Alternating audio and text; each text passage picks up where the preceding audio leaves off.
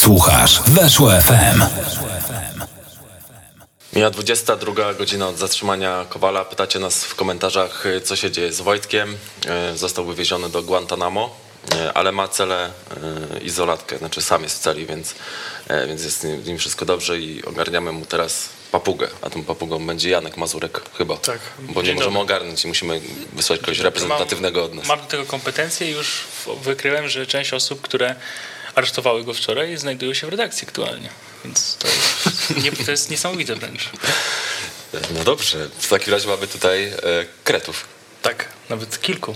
Albo mamy kuratora. Mamy tajnych współpracowników. Tak. I teczki. Paweł Paczul. Dzień dobry. Paweł dzisiaj miał okazję na bajerkę z Kowalem, bo Kowal miał dzisiaj półtora minuty. Co ci powiedział? Ale, ale, ale, y, ludzie kochani i przerwało. I Mateusz Okuszewski. Dobry wieczór. E,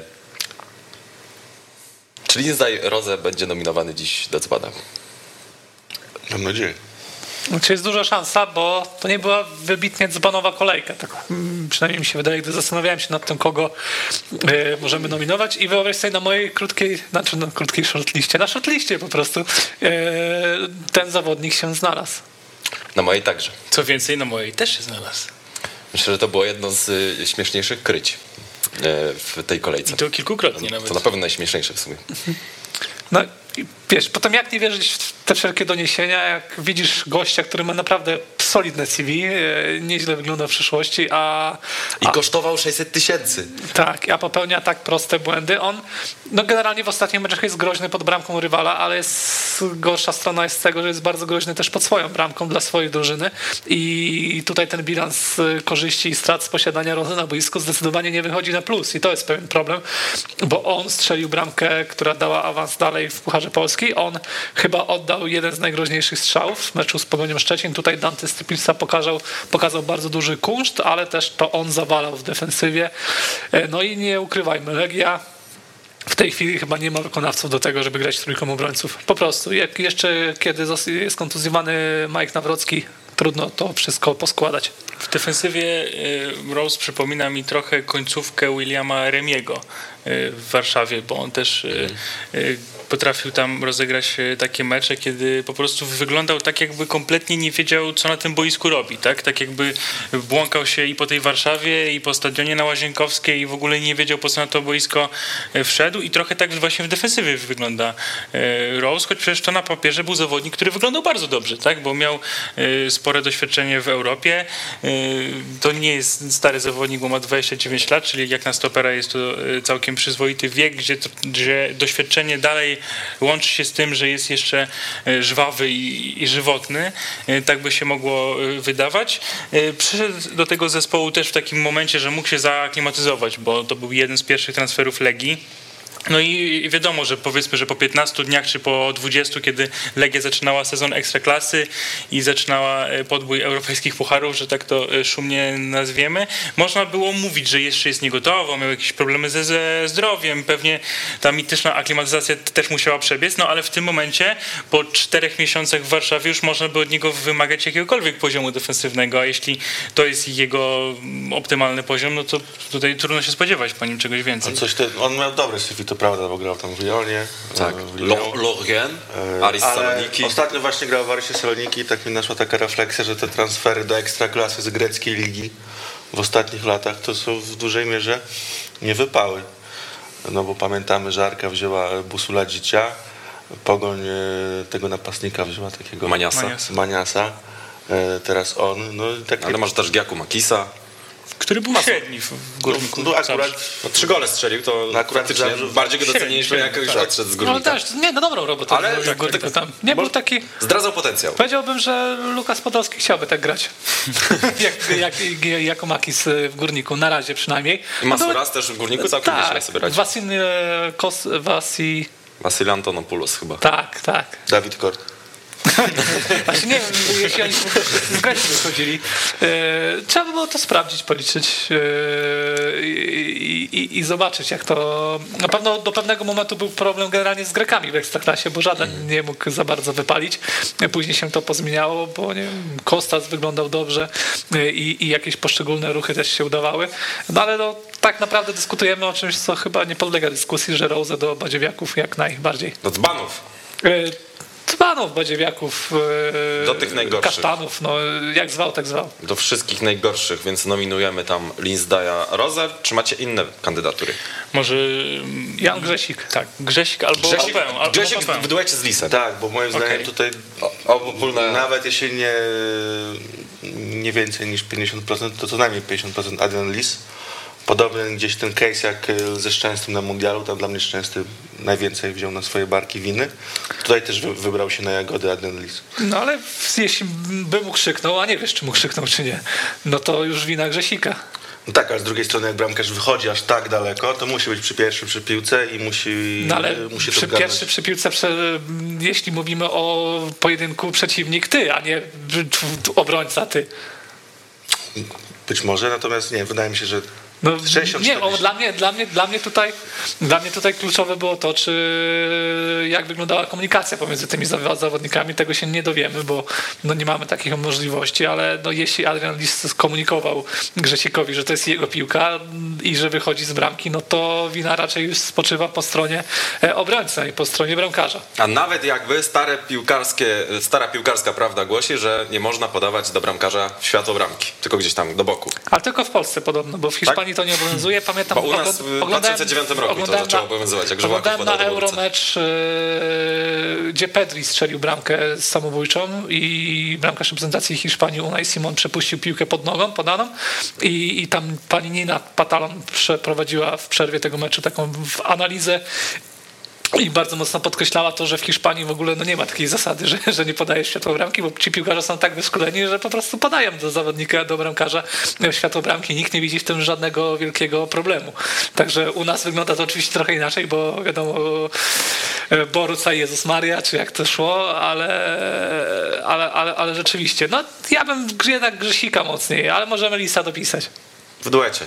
No właśnie, Ra- jeszcze chciałem wspomnieć. byli od początku do końca. Wspomnieć o tym, że to faktycznie był Kiks, któremu się należy ta, ten charakter dzbanowatości, ale i, i możemy na tym to warte Poznań zamknąć, choć pewnie też należałoby nominować pewnie po raz kolejny Jasona Papę do tej e, grupy, bo to jest taki zawodnik, który to jest dla mnie trochę zawodnik symbol, o tyle, że na przykład to był jedyny zawodnik, który przychodził latem do Warty Poznań, przy którym Radosław Mozyrko też powiedział, że go chce i też miał e, na niego chrapkę, i czyli to był wspólny transfer Grafa i, e, i Mozyrko, więc Mozyrko zaczyna swoją przygodę w, w Warcie Poznań na 0-1. To zabawne, że Warta nie strzeliła gola właśnie od momentu, jak on przyszedł. Myślałem, że przecież tam raz na ławce siedział, ale dzisiaj sprawdzałem sobie to.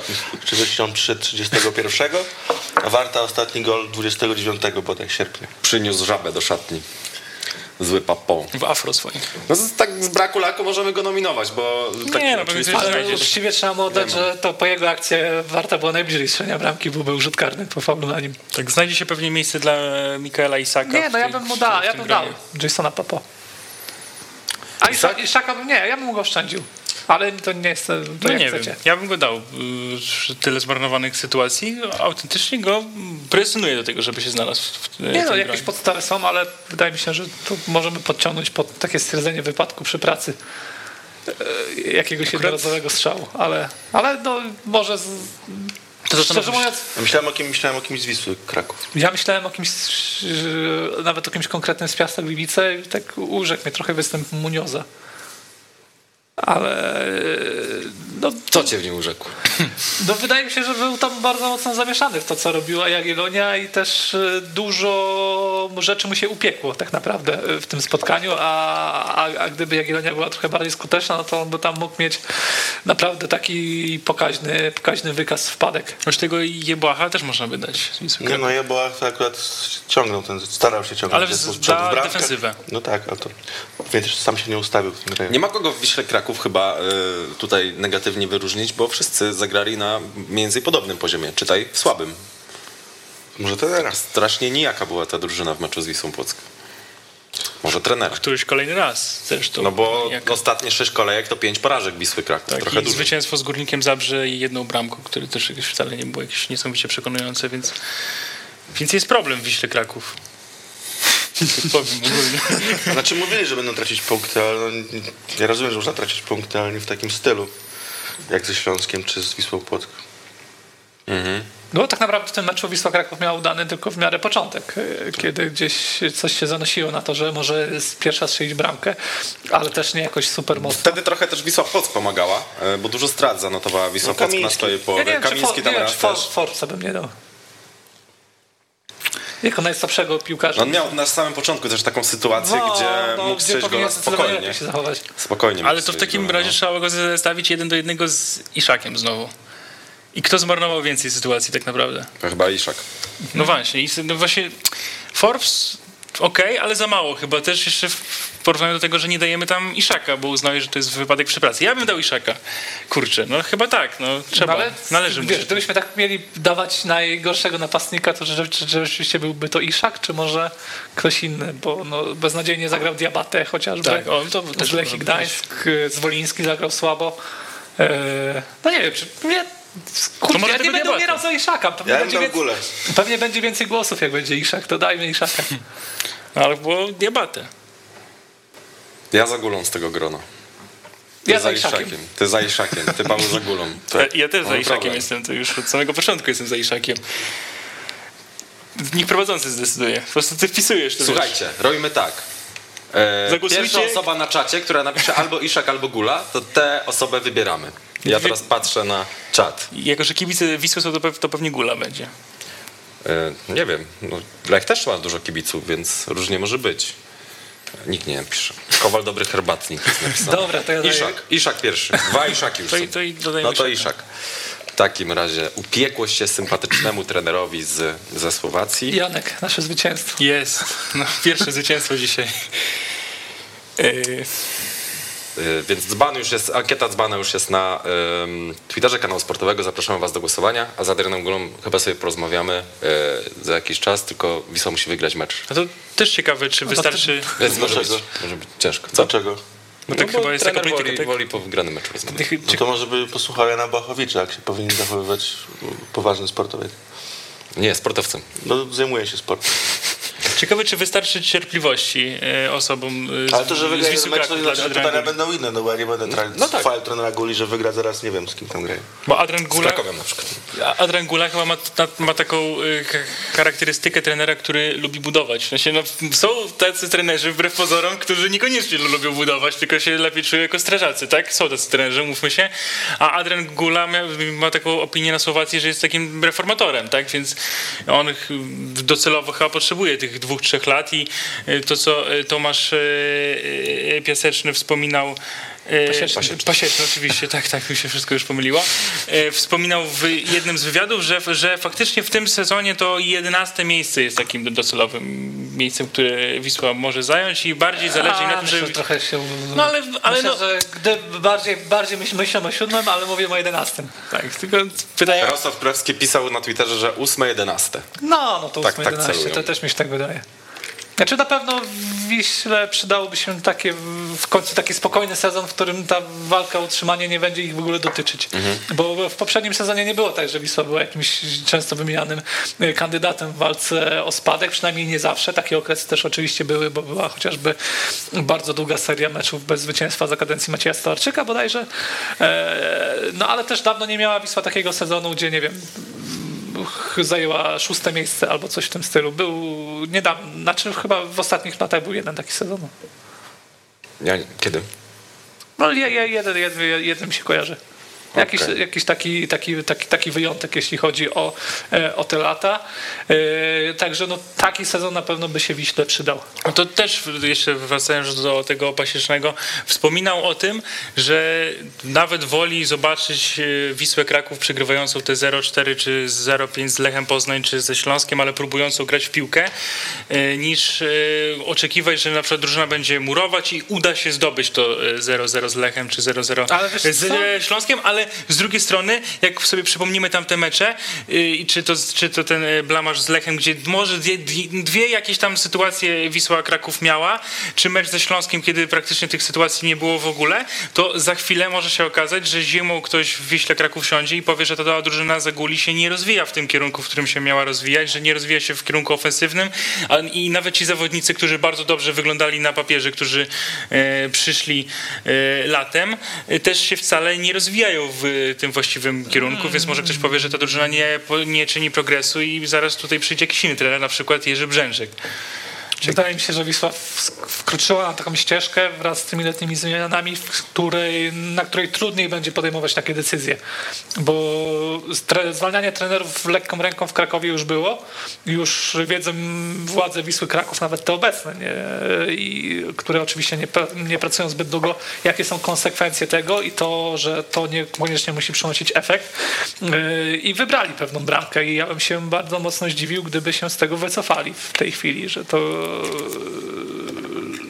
I są konsekwentni, uważasz? tak, w tym nie, nie, wydaje mi się, że to są zbyt wielopoziomowe zmiany, żeby, żeby teraz lekką ręką to przekreślić i budować od nowa. Nie wiem, czy lekką ręką byli zwalniani trenerzy w Wiśle Kraków, bo Storaczyk dostał dużo czasu, Skowronek też dostał dużo czasu. W sensie mówiło się, długo się mówiło o tym, że oni mają być zwolnieni, i, a oni tam, nie wiem, dostali te 10 powiedzmy meczów na wyjście z tego kryzysu małego, więc No ale jak po, po, podsumujesz, ile tych, ilu tych trenerów było, była taka wypowiedź e, Dawida Błaszczykowskiego, czy płacimy tam czterem czy, czy pięciu trenerom, e, ewentualnie sześciu. Nie, oczywiście cytuję z pamięci i, i tak dokładnie nie było. To oczywiście to to Wisła dostała w spadku po poprzednich e, władzach, można też powiedzieć, ale, ale jednak ten jest duży przemiał, jeśli chodzi o trenerów Wiśle Kraków, to, to, to nie ulega wątpliwości. to prawda. Zobaczmy, kogo sobie nominowaliśmy do jedenastek kolejki, jedenastki kolejki. Wśród bramkarzy mamy Rafała Strączka, Macieja Gostomskiego, Filipa Majchrowicza, prawy obrońcy Jakub Bartko- Bartkowski, oczywista kandydatura i faworyt, Mateusz Żukowski i Mateusz Grzybek, lewi obrońcy Dawid Abramowicz, Luis Mata, Pedro Reboczo. Zobaczmy kolejną planszę. Środkowi obrońcy Andrzej Niewulis, Mariusz Malec, Rafał Janicki, Michał Nalepa. Środkowi pomocnicy Samuel Sztefanik, Mateusz Foch, Michał Kaput. Ofensywni pomocnicy Adrian Łyszczarz, Mateusz Praszelik, Fedor Czernych i Sebastian Kowalczyk. Swoją drogą Fedor Czernych warto gościa docenić, bo chyba wróci, wraca na dobre tory. Tak samo jak Luka Zachowicz. No, Fedor Czerny wraca, Luka Zachowicz dopiero nam się pokazuje z jakby strony w Ekstraklasie. Tak. Bo na dobrych torach był jeszcze, gdy grał na, w swojej lidze.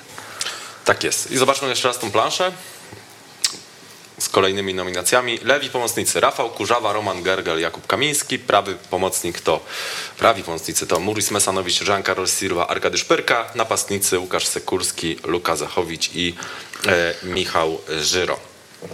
Jastrząb kolejki. Czyli najlepsza postać. Teraz tutaj będziemy... Parę postaci tu było wymienionych, na przykład e, Strączek, którego można nominować. Skoro nominowaliśmy Iszaka, to musimy oprawcę jego nominować. Tak było.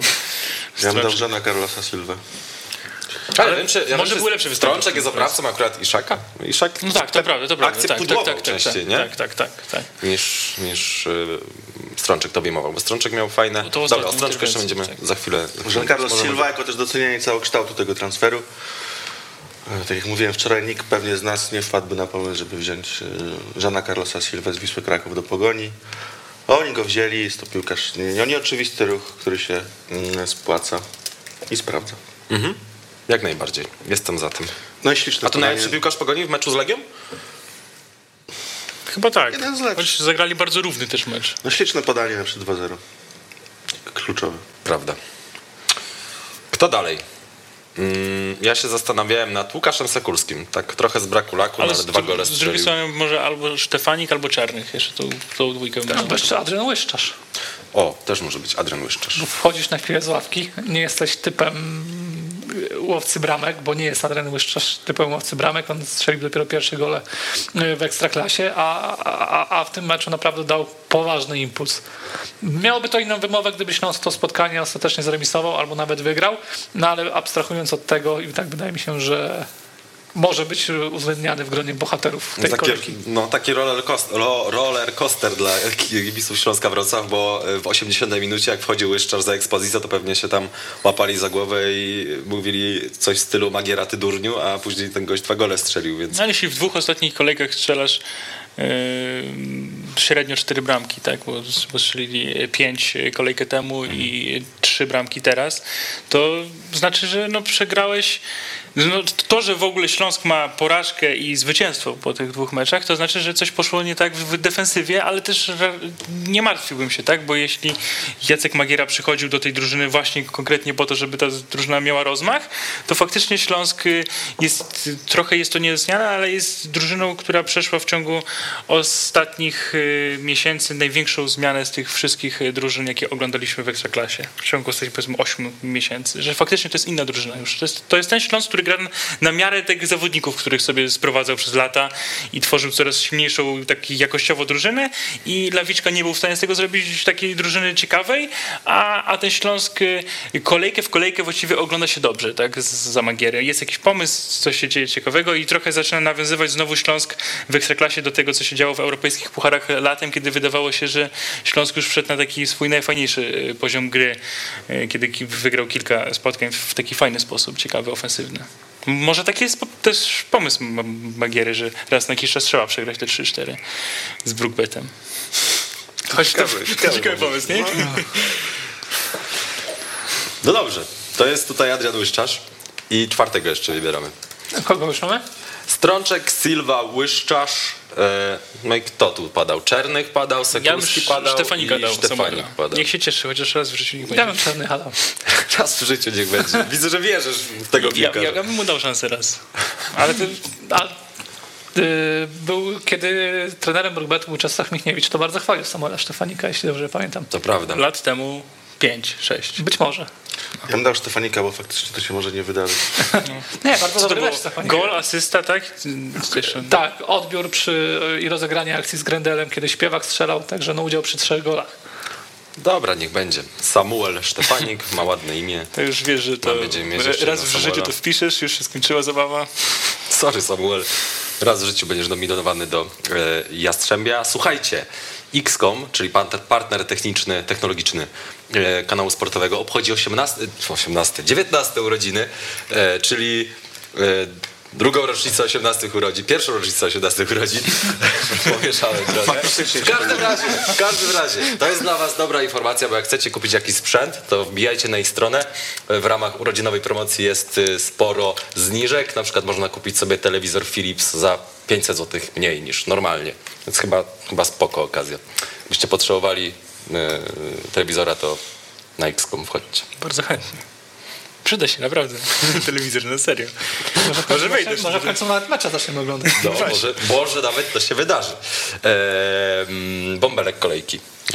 Mi się podobał Fryderyk Gerbowski w meczu z Wisłą. Aż tak ci się podobał? Arkadiusz Pyrka i Mateusz Praszelik. Zobaczymy, czy się zmieści. Ja bym jeszcze Żukowskiego chyba dał tak na dopełnienie. No to już lepiej Gerbowski. Ale masz czterech. No tak. Powoli. Mateusz Praszelik, Fryderyk Gerbowski.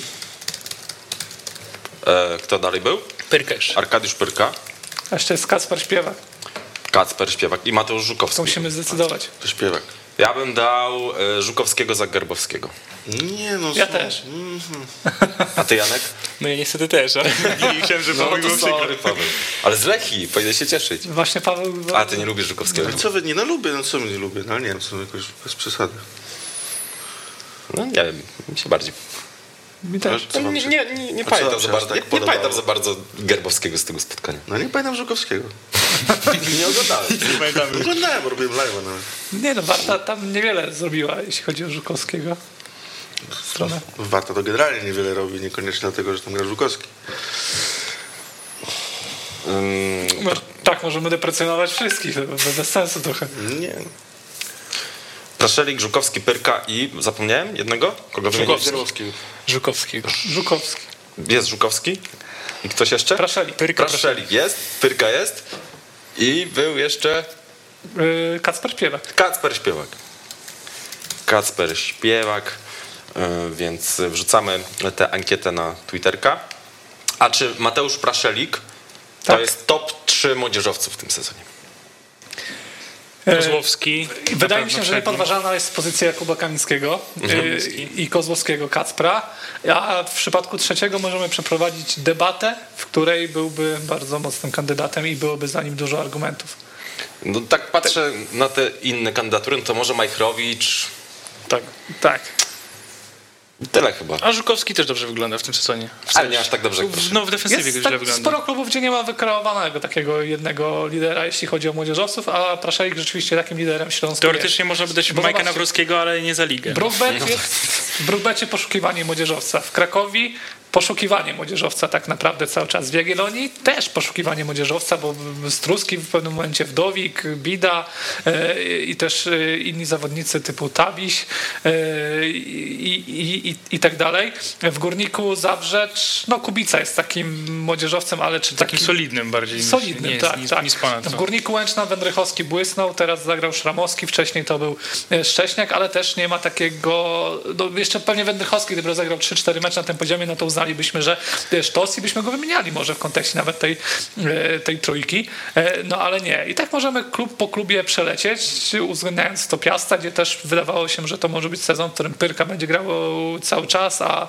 a doszło do tego, że pojawi się Amejo, zaczął grać Mosur i, i, i, to, i te akcenty się mocniej e, rozkładają i tak w Wiśle Krakowie mają problem, w Wiśle Kraków mają problem Tak. z tym, to, to ciężko. w Wiśle. Płock mają problem, pomimo tego, że Gerbowski zagrał kapitalne zawody.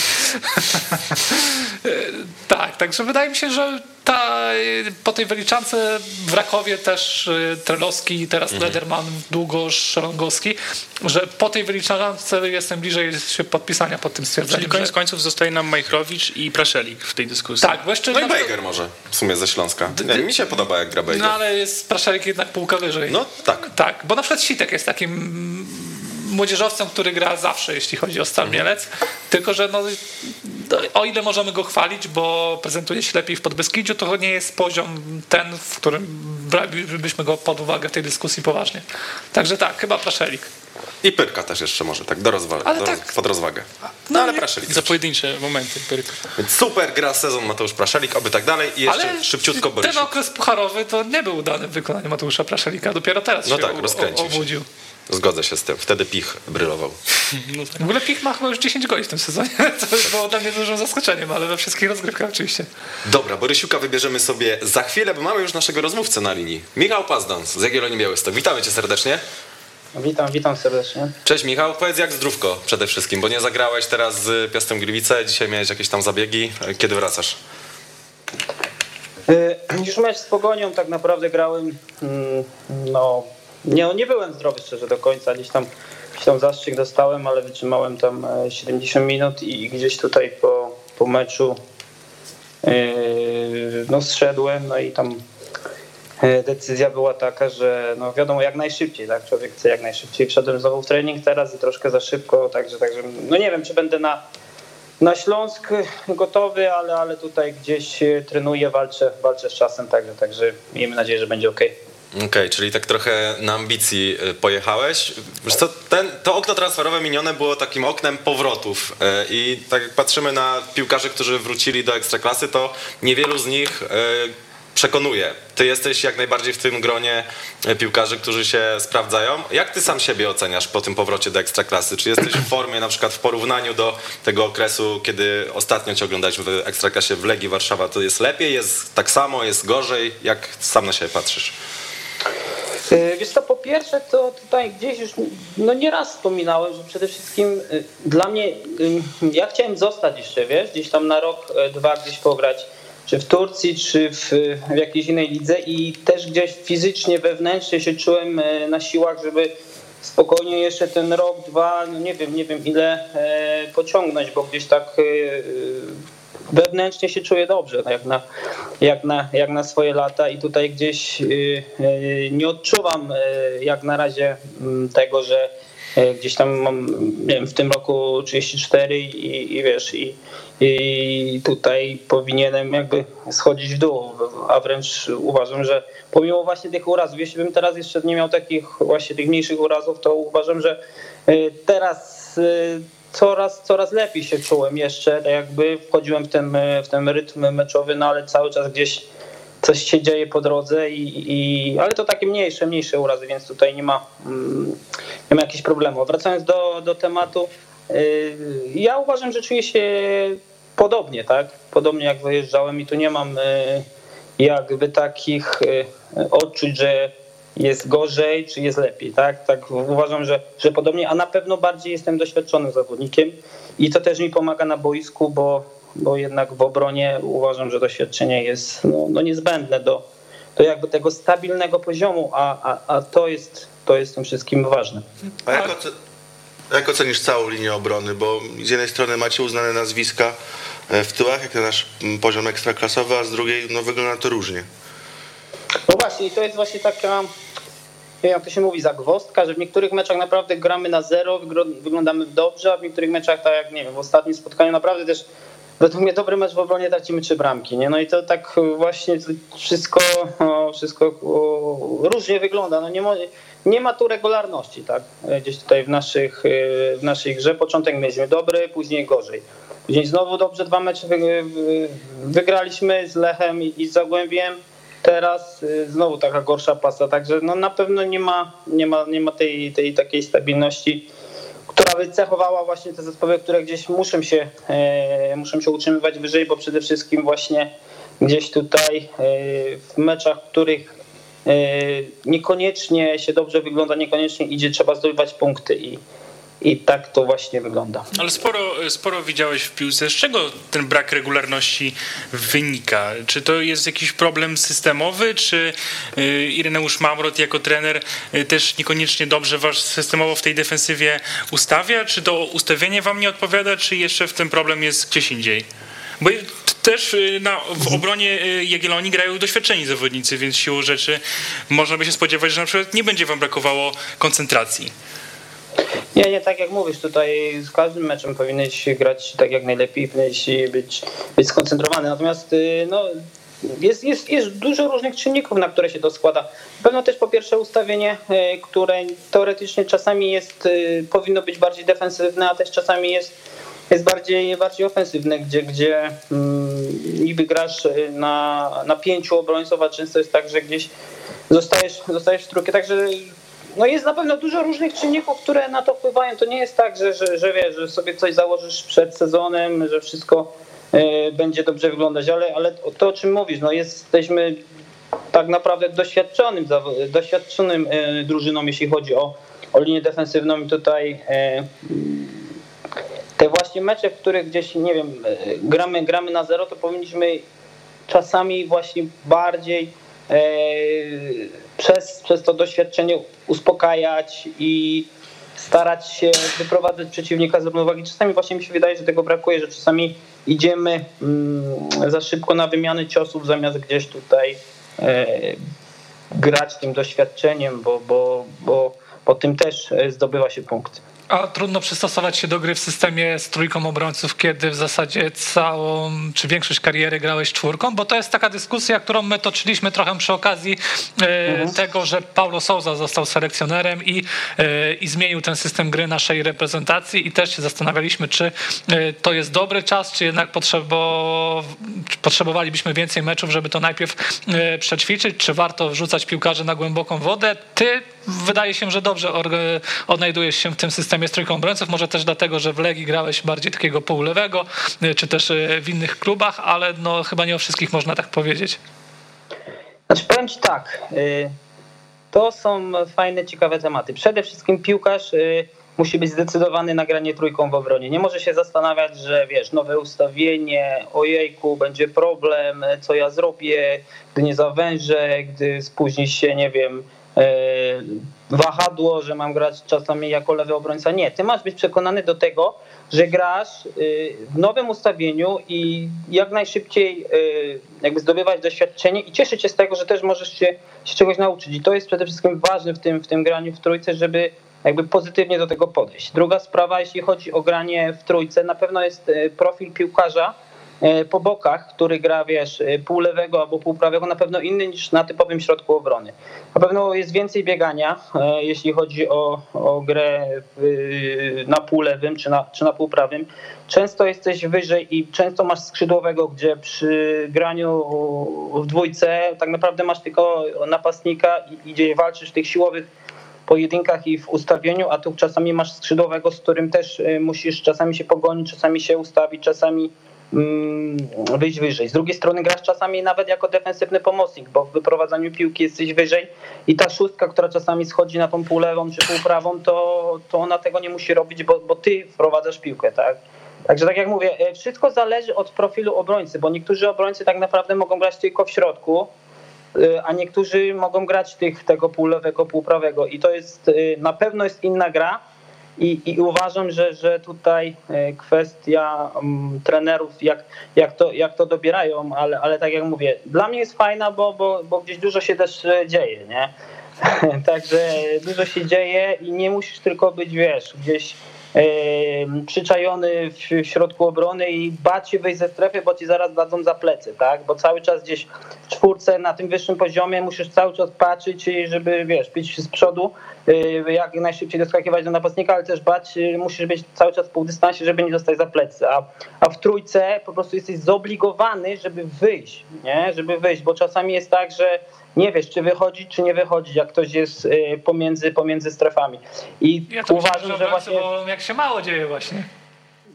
No tak, tak, ale, ale to, to się wydaje, że się mało dzieje, ale musisz być non, non, stop, non stop gdzieś tam e, skupiony, tak? I na pewno w czwórce jest y, więcej grania na doświadczeniu, tak? Już typowo po prostu na... Mm, Wiesz, im więcej meczy rozegranych w czwórce, to naprawdę e, są takie mecze, że, że po prostu nawet, nawet się nie zmęczysz, tak? Tylko jak gdzieś dobrze czytasz, jak dobrze się ustawiasz. Natomiast e, w tej trójce, jak grasz na przykład ofensywnie, no to, no to musisz, e, musisz pobiegać. Ja na przykład gdzieś dają czasami te statystyki, tak? Po, po, po meczach, no, no to są mecze, że gdzieś, nie wiem, na środku obrony biegasz 10 800, nie? Czy tam 10 km 800 metrów, wiesz, a na, na, na stoperze robisz 9,5, no to bo to taka, nawet taka, taka zwykła, błaha statystyka, która tak naprawdę, wiesz, tylko jest dla ciebie, tylko żeby, żeby sprawdzić, co jak wygląda, no to, no to już jest prawie półtorej kilometra więcej, nie? Okej, okay, taki mały wykład taktyczny nam tutaj zrobiłeś. E Michał, lepiej chyba z tobą nie zadzierać, patrząc na to, co się stało z Ankara Guczu, któremu załatwiłeś parę dni temu półtora roczny zakaz y, transferowy. Jak wygląda ten zakaz? Ty teraz jakby masz takie przekonanie, że te pieniądze odzyskasz dzięki temu, że tak podziałałeś? To jest y, ciekawa sprawa właśnie.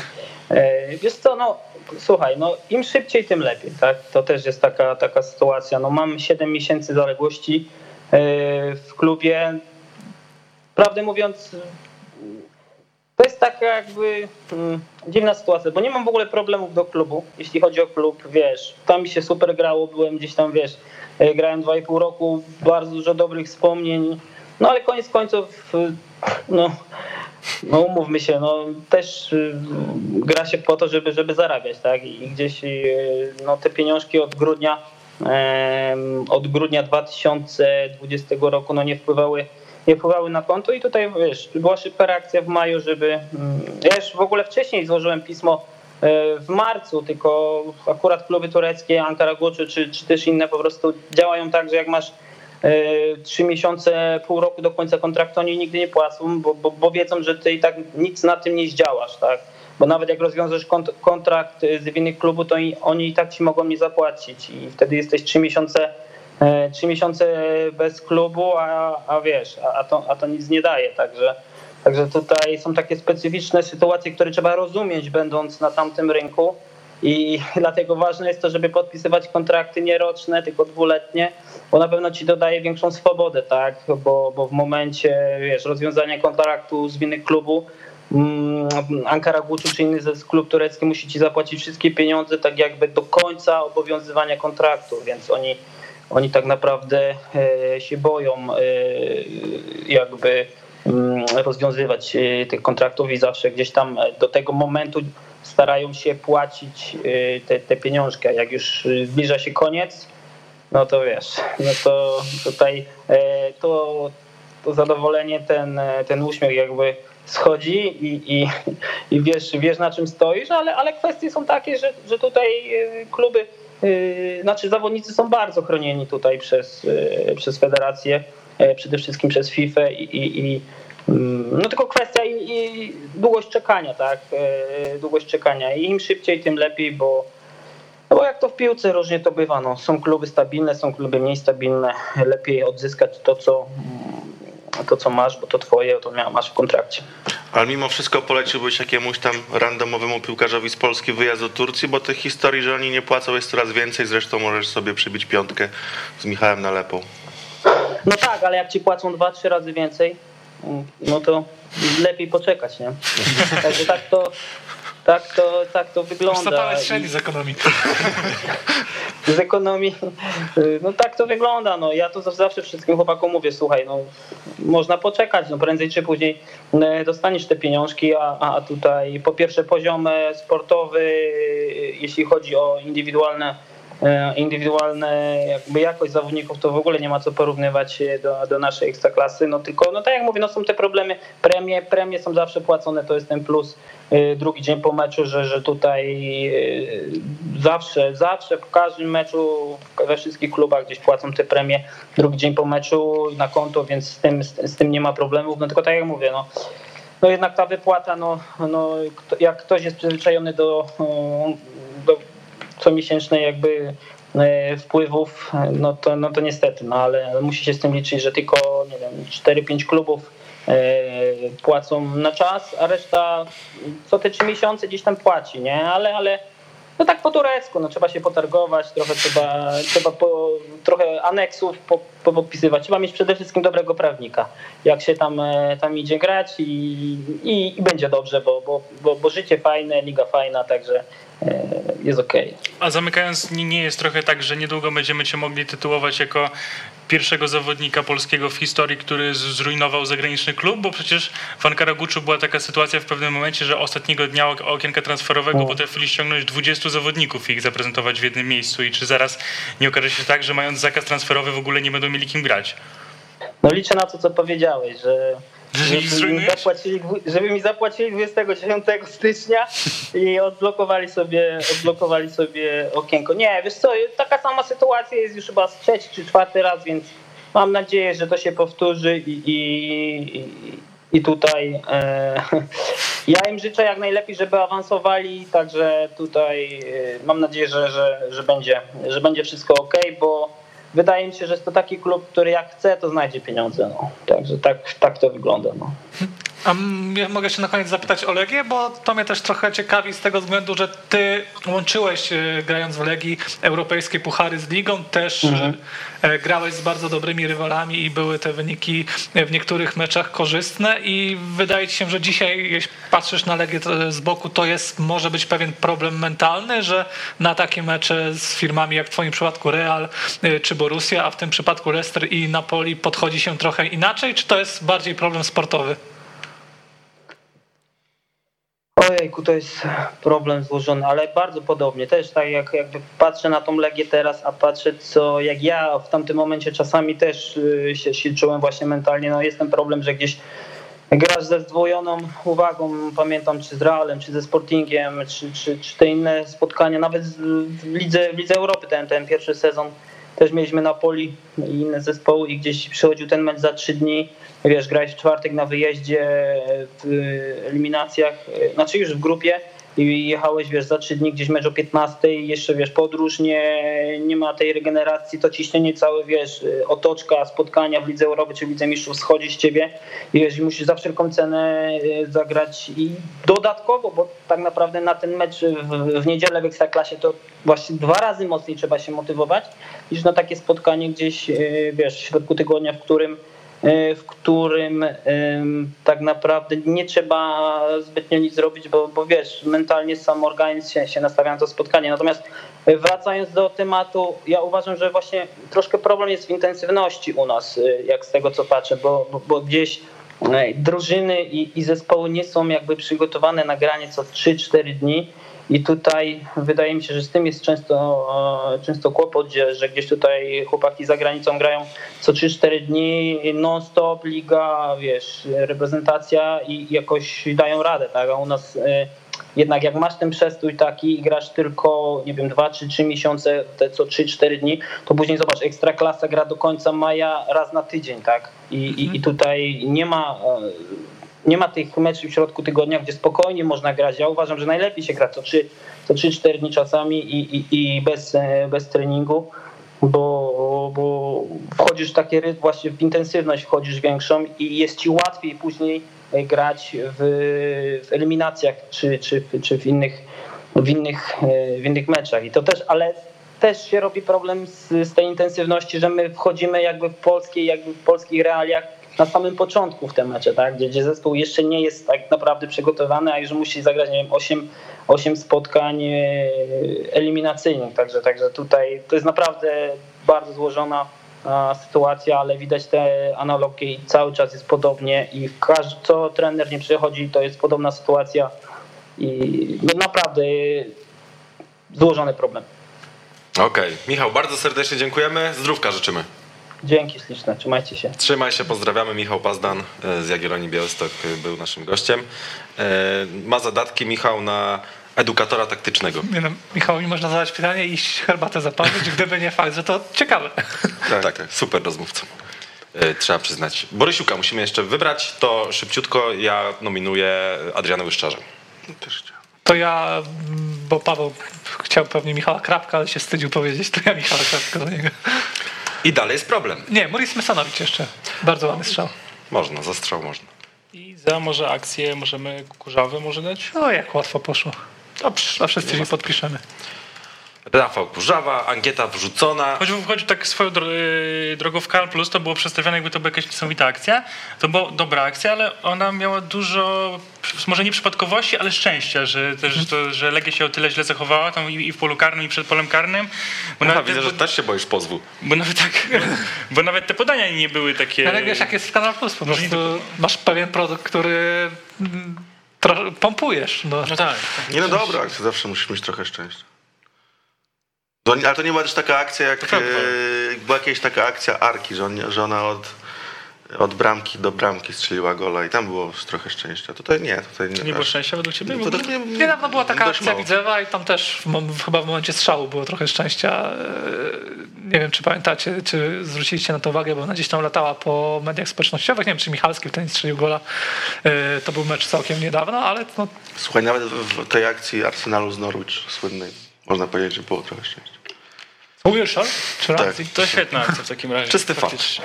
Nie no, dla mnie się bardzo podobała ten popływ. Nie, no ładna akcja, ale nie ma co w ogóle porównywać do takich, y, co powiedziałeś, moim no, zdaniem. Jezus, wiadomo, że nie, no ale, ale nie zwalałbym na pierwiastek szczęścia. A pamiętacie, co reprezentacja Polski kiedyś poklepała prawie? Z Portugalią? Tak. tak. było, było. No, że tam musi Grosicki znaczy, że prawie rogu, prawie gol, prawie gol. Mamy dla Was jeszcze jeden segment. E, wraz z naszym partnerem Oshi będziemy wybierać, ale to już my będziemy wybierać, już bez ankiety, e, murarza kolejki, czyli będziemy doceniać jakiegoś piłkarza defensywnego, albo bramkarza, albo obrońcę, albo jakiegoś, nie wiem, defensywnego pomocnika, który bardzo dobrą robotę zrobił w tyłach, albo nawet napastnika, jeżeli czymś takim super się wykaże. Czasem to będzie docenianie za konkretną paradę, czasem za po prostu dobry występ, czasem za całokształt. W, tym, w tej kolejce wybieramy Rafała Strączka który mm, czyste konto miał z Lechem, obronił 8 strzałów, między innymi te przy strzałach Milicia i Reboczo Parady były bardzo efektowne i w całym sezonie ma 74 obronionych, 74% obronionych strzałów. To nie jest topowa, średnia, to nie jest topowy procent, ale Kto ma najwięcej? Najwięcej ma chyba Zlatan Alomerowicz. Mateusz Lis ma 100%. No tak, ale, ale, jeden mecz wygrany, tak? tak. Chyba Alomerowicz ma najwięcej, bo ma 6 spotkań, chyba 84%. 84% chyba Ksajar Dziekoński ma skuteczność 50%, nie wiem czy zauważyliście. Tak. Także tak jak leci światło bramki, no to 50-50, że albo to w obronie. Trochę słabo, zaraz to sprawdzę. Tylko E, w każdym razie dla Rafała Strączka, yy, jaką widzicie przyszłość tak ogólnie? Bo jest to bramkarz młody, polska szkoła bramkarska ma jakąś tam renomę. Powiedzmy, że yy, ma, mają trochę łatwiej bramkarze znaleźć sobie klub zagraniczny niż, nie wiem, skrzydłowi powiedzmy. Mm, Ja myślę, że zrobię jeszcze przystanek w lepszym klubie w Polsce. Tak, tym bardziej, że właśnie bardzo wielu agentów e, piłkarskich mówi, że e, taki transfer często zależy od tego, jaki pozycję na rynku ma też ten klub, tak, że na przykład Tak, Rakowowi tak. byłoby łatwiej sprzedać e, takiego zawodnika, Legii, no to wiadomo, Lechi wiadomo, Pogoń też pewnie by mogła takiego zawodnika sprzedać e, dosyć łatwo, pewnie zaraz to by się też się okazało. zmienia, bo- A, Sta- a Stal Mielec aktualnie no, na, na rynku europejskim nie istnieje, no, nie, nie ma Stali Mielec. No pusty, tak, tak. No ale też, e, bo to jest trochę retoryka Dariusza Mioduskiego, który mówił, że jeśli Ach, dobrze sprzedać, rozmawiałem je, jeśli, jeśli sprzedać dobrze, dobrze zawodnika, no to Legia może to zrobić, może to zrobić Lech Poznań, po czym okazało się, że wiele klubów dobrze zaczęło sprzedawać zawodników i w tym gronie jest nie chociażby Wisła Płock sprzedająca Szymińskiego, Szymańskiego, w końcu Rece, e, w tym gronie też do Pogoń. tego Pogoń, Górnik, Zabrze e, i tych klubów zrobiło się. Jagiellonia Białystok oczywiście takim klubem też była. E, Także jeśli będzie ktoś rzeczywiście się mocno wyróżniający, no to, no to myślę, że ze stali też można wyjechać bezpośrednio.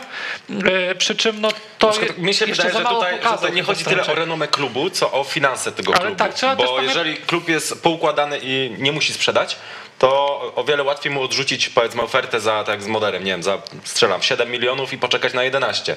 A jeżeli klub tak jak Stal Mielec w słabej kondycji finansowej, no to Ale- przyjdzie te nie wiem 500 tysięcy euro i powiedzą zajebiście. Oczywiście. Tak, ale to bym też chyba sprzedał nie mówimy, o, nie 500 mówimy w kontekście lig top 5, podejrzewam, tak? Tylko mówimy No o, o ligach y, 6-20 raczej. Mhm. I, i, i, I trzeba pamiętać też, że menedżerem Rafała Strączka jest Mariusz Piekarski, y, który sprzedaje piłkarzy głównie na określone rynki i myślę, że taki wyjazd to mogło Do Grecji taki na przykład. mówię. Do Grecji ostatnio sprzedaje, tak, chyba Turcja i Rosja. I Rosja. No tak, czyli faktycznie może go sprzedać.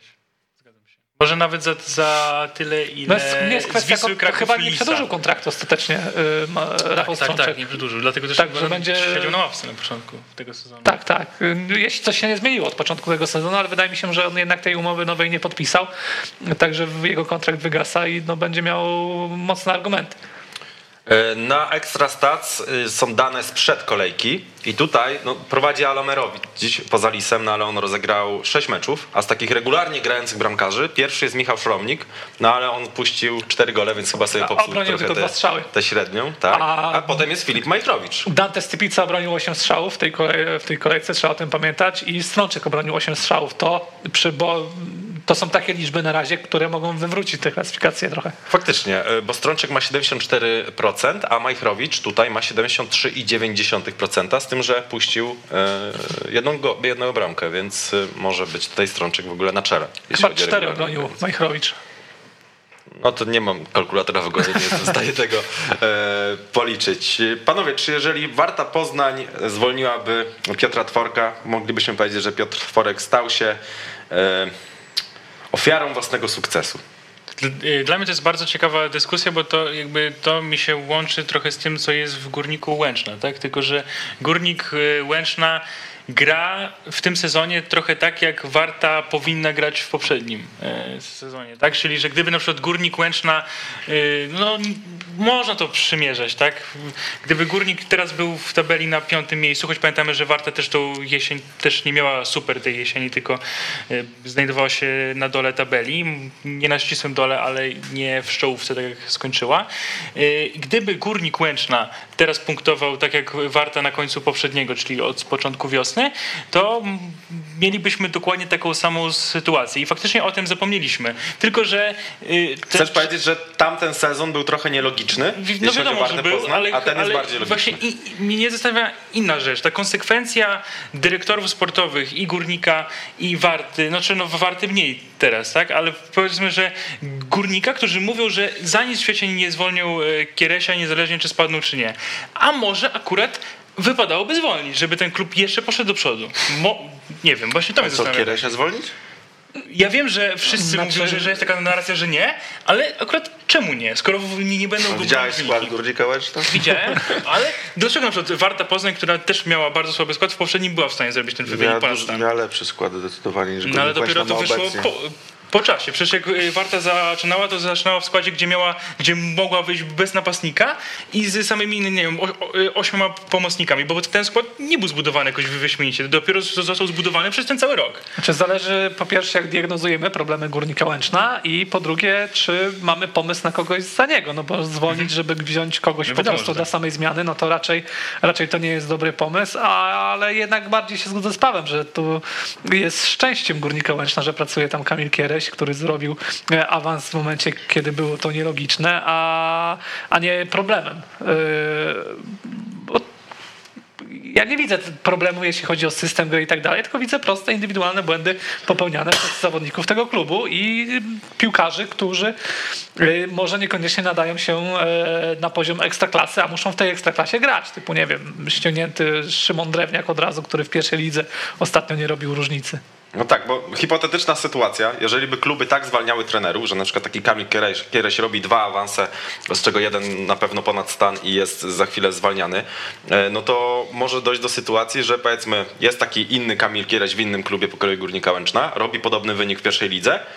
I specjalnie każe mówię- swojej drużynie przegrywać. Panowie, no po co będziemy awansować, jak was wyrzucą, mnie no wyrzucą? nie idźmy tak mocno. tym- Hipotetycznie, To Znaczy, ja hipotetycznie. rozumiem Janka o co chodzi, bo y, często można się było złapać, y, znaczy y, można było odnieść wrażenie, że łapiemy się w taką pułapkę, że już tych trenerów bronimy z automatów, że oczywiście nie przez przypadek, bo polska piłka nas tak doświadczyła, było tyle absurdalnych zwolnień, że my tak siłą rzeczy zaczęliśmy brać stronę tych trenerów i niezależnie od tego, kto był zwalniany, w jakich okolicznościach i jaki był pomysł na następcę, to mówiliśmy, a skandal, trzeba, e, polskie kluby nie potrafią zarządzać, tylko potrafią zmieniać trenerów i to jest taka pułapka, w którą dawaliśmy się złapać, no ale to nie jest ten przypadek, jak mówimy o Górniku Łęczna, a chyba mówiliśmy też o Warcie Poznań Warcie, wcześniej. Warcie. O bardziej. Warcie przede wszystkim. Warcie bardziej, bardziej, bo tak, tak. bardziej rozumiem, że tutaj rzeczywiście może przyjść nowy trener, dać impuls tej drużynie, a też Piotr Tworek no, poradzi sobie na rynku trenerskim i wydaje mi się, że może nawet w ekstraklasie by został No na pewno. e, na dłuższą metę. Znaczy na pewno to nie wiem, ale no, na 70%. No, trzeba pamiętać, że Warta... Ja nie wiem dlaczego po największym e, sukcesie e, w nowożytnej historii klubu na przykład zwalniamy trenera, czyli Piotra Tworka i mówimy, że jest to zrozumiałe, a Kamila Kieresia, który na przykład będzie potem pracował w pierwszej lidze z drużyną, która będzie po całym roku, e, gdzie przegra 28 spotkań, będzie musiał odbudowywać mentalnie i na nowo budować i mówimy, że tu mamy ciągłość jakoś No myślenia. bo, ci- bo y, Górnik Łęczna awansował jako szósty zespół pierwszej ligi, a Warta jako drugi czy pierwszy? Po Trzeci, trzeci, po. Trzeci, czyli i czy tak czy siak e, wyżej. I e, tak jak ci powiedziałem, Górnik Łęczna ma dużo gorszy skład niż Warta przed rokiem. Wyobrażasz sobie, że zimą Górnik Łęczna ściąga kogoś na, na poziomie Makany Baku? Czy że ściąga, czy że wchodzi taki Makana Baku i tam robi różnicę? Czy, czy ściąga kogoś na poziomie Makany Baku? No pewnie by nie przyszedł, ale na przykład jeśli by tam wszedł Makana? Baku, to by zrobił różnicę, czy nie? No bo do Łęcznej mało kto chce przychodzić. No, to, no dlatego chcesz walczyć Kieresia, jak tam mało kto chce Ja przyjść. nie no to, chcę zwolnić Kamila no, ale Kieresia, skoro tylko- mówisz, że mało kto chce tam tylko przyjść, to uważam, że miałby to są przyjść... No dobra, dwie- poczekaj, poczekaj, dwie różne sytuacje. Poczekaj. Dwie Skoro mówisz, że mało kto chce przyjść do Górnika Łęczna, to dlaczego miałby przyjść lepszy trener niż Kamil Kiereś? Nie no, to tak w ogóle to, to, to nie jest ten, ten jakby, to nie jest ta forma myślenia. No, Mi chodzi o to, że masz dwie dokładnie te same sytuacje. Masz, Ale to nie są dokładnie te same sytuacje, Bardzo bo masz też... Tylko, no, że w Warcie jeszcze masz sukces w Ekstraklasie. Czyli jeszcze, jeszcze dodatkowy element, który y, świadczy o tym, że Piotr ale Tworek no, mógł masz też dalej. relacje pomiędzy szatnią a... y, Wszędzie są te relacje, też, są w- też w Łęcznej, prawda? No ale dobra, ale bo ty z góry zakładasz, że one są takie same, że na przykład No nie, drużyna no nie, jest no tak. i w tym zespole, i w tym zespole jest tak samo zmęczona trenerem, a niekoniecznie musi tak być. Może w górniku i być jeszcze e, entuzjazm związany z tym, że to jest Beniaminek, że to jest, że ekstraklasa jest dla, e, dla niego, dla górnika Łęczna, dla tych piłkarzy czymś świeżym, oczywiście nie dla wszystkich. E, I, I po prostu oni teraz sprawdzają, ile im do tego poziomu brakuje. Warta już sprawdziła to w poprzednim sezonie i ten entuzjazm siłą rzeczy może być mniejszy, tak? I, i, i przekonanie do tego trenera, wiara w tego trenera ze, e, ze strony zawodników. Także wydaje mi się, że chcesz przyłożyć jednakową miarę do sytuacji, które niekoniecznie są równe. Ze, z różnych względów. Ze względów na kadrę, ze względu na budżet, ze względu na, na historię tych, e, o, najnowszą tych zespołów. Czyli wy jesteście za zwolnieniem Piotra Tworka w tym momencie? Nie, nie, Niekoniecznie. Niekoniecznie, ale... Powiedzia- to ja powiedziałem, że mógłbym to zrozumieć. Bo zobacz, bo nawet sytuacja z dyrektorem sportowym, bo wychodzimy z założenia, że dyrektor sportowy jest odpowiedzialny za cały pion sportowy, jest najważniejszą osobą w tej układance. Nie zawsze tak jest, ale z takiego założenia wyjdźmy. W Górniku, jeśli chodzi o dyrektora sportowego, jest ciągłość. Weliko Nikitowicz współpracuje z Kamilem Kieresiem od dłuższego czasu. W Warcie Poznań była zmiana na stanowisku dyrektora sportowego. Roberta Grafa zastąpił Radosław Muzyrko i nawet z tego względu nie możemy odbierać nowemu dyrektorowi prawa do tego, żeby zatrudnił trenera, z którym mu się może najlepiej pracować. E, Także do, cały czas próbuję jak gdyby zasygnalizować, że to nie są równe sytuacje. Inna sprawa, że Robert Graf na koniec, na, na swoim ostatnim okienku w Warcie nie popisał się. Tam nie ma dobrego transferu. No pytanie, czy się na przykład popisał w poprzednim jeszcze okienku transferowym i w jeszcze w Makana poprzednim. Baku. Bo ściągnął Makana Baku, tylko czy, za, czy na podstawie jednego transferu No ale ściągnął też Roberta Iwanowa. wypożyczenia Żurawskiego. No, Robert Iwanow słaby piłkarz? No, Roberta się, Iwanowa oczywiście, czy, czy, czy możemy tą całą narrację budować, że jak to jest wybitny akurat dy- dyrektor sportowy, bo też było wielu zawodników, których się nie sprawdziło i wielu zawodników, który zbudował Piotr Ale Tworek. wydaje- Pracował też w określonych realiach. Wiadomo jest, że dużo zawodników ściąganych za niewielkie pieniądze się nie sprawdzi. Po prostu. Wydaje mi się Natomiast też, że nie przynajmniej można- taki jeden strzał by się przydał. Nie A można sprowadzać pracy dyrektora sportowego do robienia transferów, bo dyrektor sportowy to nie jest pan od robienia transferów, tylko osoba, która za cały pion sportowy odpowiada za organizację klubu i tak dalej. Warta jest najbiedniejszym klubem w lidze. Warta jest biedniejsza od Górnika Łęczna, pomimo tego, że spędziła sezon w Ekstraklasie, przynajmniej na podstawie tych budżetów, które gdzieś tam ustalił przegląd sportowy, szykując skarb kibica. Nie wiem, na ile to są wiarygodne informacje, czy, to pocho- czy te informacje pochodzą z klubów, czy nie. No ale Moim zdaniem, patrząc całościowo na Roberta Grafa, no to rzeczywiście ten ostatni czas był gorzej, ale wcześniej był gorszy, ale generalnie y, nie ma przypadku w tym, że w Rakowie Częstochowa, gdzie przykłada się naprawdę ogromną wagę do rekrutacji i do y, tego, jak sprawdza, jak sprowadza się zawodników, y, ludzi na kluczowe y, stanowiska, że właśnie zainteresowano się tym człowiekiem. No, nie ma przypadku, uważam, że praca w Olimpii Grudziądz, jak sobie że nie byli aż, aż, aż tak do końca do niego przekonani, że, że to nie był przecież e, Robert Graf nie był postacią, o której Michał Świerczewski od samego początku powiedział, że przychodzi gotowy dyrektor sportowy, tylko powiedział, że przychodzi dyrektor sportowy, który pokazał w Warcie Poznań, że stać go na to, żeby pokazać, że jest bardzo dobrym dyrektorem sportowym dopiero w Rakowie Częstochowa. Więc jakby No, uważam, że nie ma w bo, tym przypadku. generalnie chodzi mi o, znaczy w Warcie nie możesz pokazać, czy jesteś świetnym dyrektorem sportowym, bo no trochę... możesz. Jak, Możesz, czy nie możesz? no jak najbardziej możesz. Moim zdaniem możesz pokazać, że jesteś materiałem. Udowodnić to, że jesteś dobrym dyrektorem sportowym możesz wtedy, kiedy masz realny budżet do wydania e, i do zagospodarowania i też, jak powiedziałem, żeby nie sprowadzać dyrektora sportowego do robienia transferów, jakiś pion sportowy do układania. W Warcie to się dopiero wszystko tworzy. Tam jest scouting, jest, e, te struktury są coraz bardziej profesjonalne, ale to cały czas będzie coś skromnego. W Rakowie wygląda sytuacja zupełnie inaczej i wydaje mi się, że o tyle te słowa są zrozumiałe, że, że tak naprawdę potwierdzić klasę, no to możesz dopiero na tym poziomie, tak jak trener, który nawet Piotr Tworek pokazuje się w Warcie Poznań, ale tak prawdę o trenerze Piotrze Tworku poznamy wtedy, jak on pójdzie do klubu chociażby, nie wiem, pokroju Jagiellonii Białystok i będzie miał y, zdecydowanie większy komfort pracy i, i możliwość pokazania się. Do Warty przychodzi Jarosław Mozyrko, któremu się marzy, żeby Warta grała nieprawdopodobnie ofensywny futbol, więc nie wiem, czy Piotr Tworek jest najlepszym trenerem pod ten układ.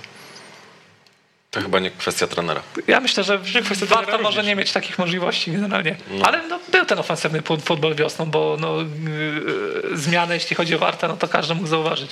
Mhm. A fajny komentarz przeczytałem, e, że Ale generalnie doszliśmy do jakiegoś porozumienia, bo, bo e, tak się ta dyskusja rozchodziła na boki.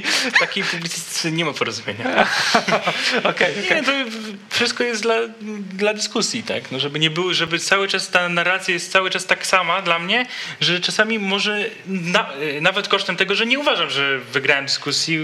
Znaczy, to nie chodzi o wygranie dyskusji Nawet czy nie przegranie. uważam, że miałem rację, ale Tylko, że żebyśmy będzie się- coś ciekawszego że- się działo w tej nie, dyskusji. nie, nie, cho- cały czas jest, dla mnie jest dokładnie ta sama narracja, która do- dotyczy tylko tego, że Kamil Kieraś powinien non-stop pracować w Górniku Łęczna, niezależnie od wyników, niezależnie od poprawy wyników i niezależnie od spadku i że akurat teraz Piotr Tworek albo powinien pracować, albo nagle się pojawiają głosy, że jest to zrozumiałe, że nie powinien. A jest to dla mnie podobna sytuacja. Faktycznie nie jest taka sama, ale podobna.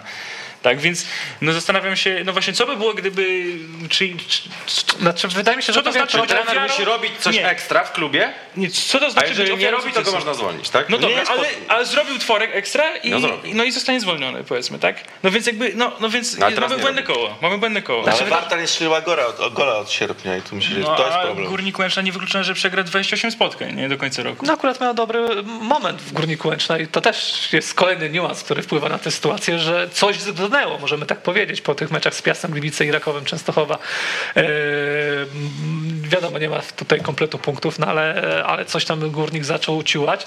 W- Wydaje mi się, że pewien problem tej dyskusji polega na tym, że ona jest złożona, wielowątkowa, a na końcu chcemy ją sprowadzić do stwierdzenia zwalniać, nie zwalniać, dobry, zły, czarne, białe i tak dalej. No.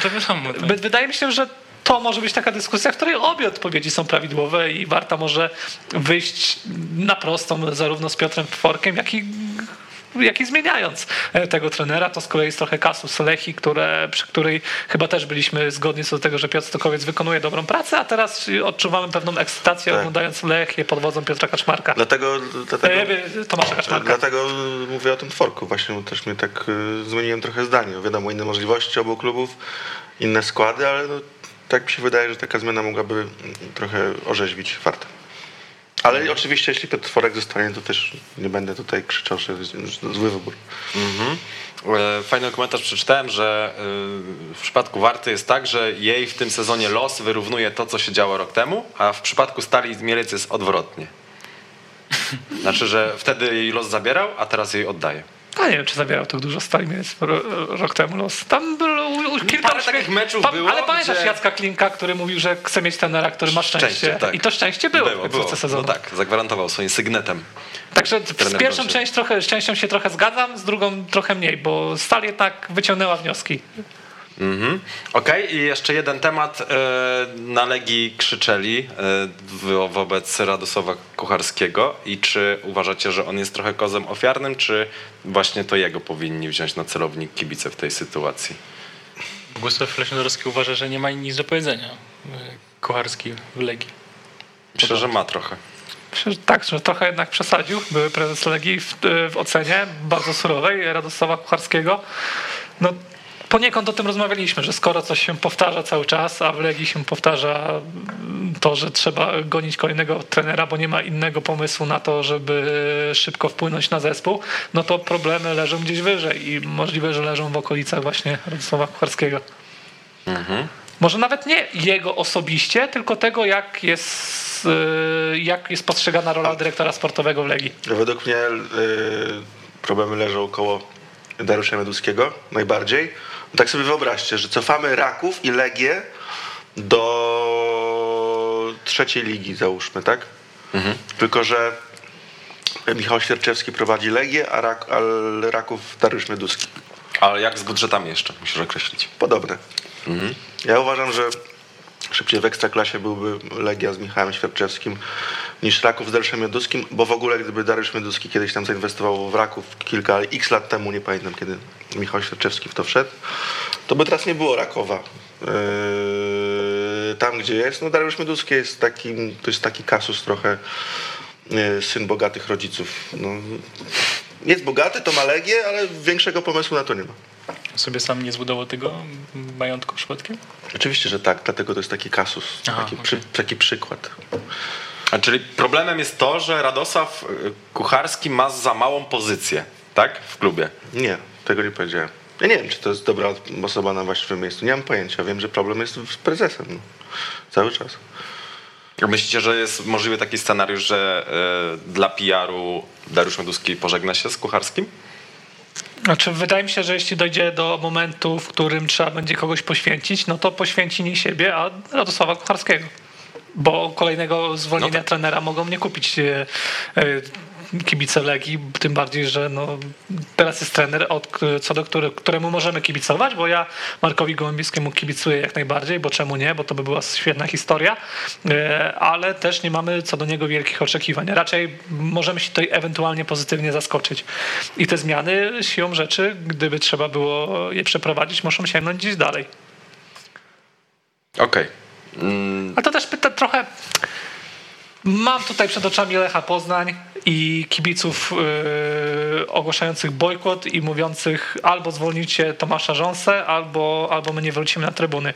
I oczywiście też tam był chyba Kacprzak wymieniony, były trener przygotowania yy, motorycznego czy fizycznego. Yy, ostatecznie tylko on pożegnał się z pracą, Tomasz Rząsa yy, dalej pracuje i, i zastanawiam się, czy gdyby kibice Legii nawet postawili sprawę tak na, na ostrzyża, jak kibice Lecha wtedy jakie byłyby decyzje, bo no, właściciel też może mieć prawo e, że do takiego poczucia, że dobrze mu się z kimś współpracuje i jest do niego przekonany. Tak? Nawet jeśli w Lechu doszło do takiej, do takiej zmiany, że bardziej widać przy konstruowaniu tej kadry rękę trenera niż dyrektora sportowego, no to ten dyrektor sportowy dalej pracuje. I może na przykład do takiej zmiany by w Legii mogło dojść, że, że dajemy trenerowi większy wpływ na to, włą- włączamy go do procesu transferowego. A potem go wyrzucamy w październiku. Nie, może nie wyrzucamy. Może jak go włączymy właśnie, no to będzie miał więcej argumentów, żeby, żeby dalej pracować, bo... Ale wierzysz w to, żeby Dariusz Mioduski wytrzymał w takim modelu pracy? Znaczy, bo mm, cały czas rozmawiamy o sytuacji, kiedy on jest przyparty do muru i musi coś zrobić. Na przykład musi, bo kibice tak na, na tyle protestują, że e, coś należy zrobić, że, że na przykład potrafię sobie wyobrazić scenariusz, że Radosław Kucharski zostaje, bo ktoś musi od strony technicznej, formalnej i tak dalej ogarniać te transfery, bo tego już trener e, nie zrobi, ale ma ale też w tym procesie transferowym większą e, rolę odgrywa właśnie trener i, i, i- nawet to jego zdanie może być trochę ważniejsze niż dyrektora sportowego. No to taki swój flagowy projekt Jarosław Kucharski zdaje się, że u- uważa Ernesta Muciego. Że to jest taki transfer, przy, pod którym on się zawsze podpisuje, że to był jego pomysł, że on go tam że też uczestniczył w tym całym procesie skautowania, wynalezienia go i dał mu czas i też widać, że to jest transfer, który się sprawdza, więc no to nie, nie jest postać taka, o której można mówić tylko i wyłącznie przez pryzmat tego, że na przykład kompletnie nic nie znaczy przy Mioduskim. Ale to tak? pan- pod innymi się nie podpisywał? Wiadomo, że Nie, nie, najfajniej no się tak, podpisać tak. pod tym, co wyszło. Ale no Znaczy, też no, on, na- Naprawdę dużo udanych transferów. Gdybym był Radosławem Kucharskim, to by się najbardziej Juranowiczem chwalił. Ale pytanie, czy. e, Py, pytanie, jak, jak, jaki był tutaj jego wpływ, nie? Mhm. E, mamy grafikę z transferami Radosława Kucharskiego, w cudzysłowie, bo nie wiemy do końca, czy właśnie tam Radosław Kucharski miał kluczową rolę, czy nie miał kluczowej roli, no ale powiedzmy, czy, że Czy raczej Mariusz Piekarski? za jego kadencji te transfery były dokonane. No i są świetne strzały. No Lukinias oczywiście dużo kosztował, no ale jest bardzo dobrym piłkarzem. Juranowicz czy Gwilia też super, mimo że też to trochę kosztowali. Dobra panowie, ale umówmy się tak. Lukinias, Juranowicz ok, ale Gwilijew, Szołka, Mladenowicza i Kapustkę to ja też bym ściągnął. No też byś ściągnął, to prawda. Ale czasami też jest kwestia przekonania zawodnika do tego, że musisz, do, że możesz do Legii trafić. Jak dostanę budżet, no to też przekonam. No, nie wiem, bo wydaje mi się, że takiego. Ja pamiętam.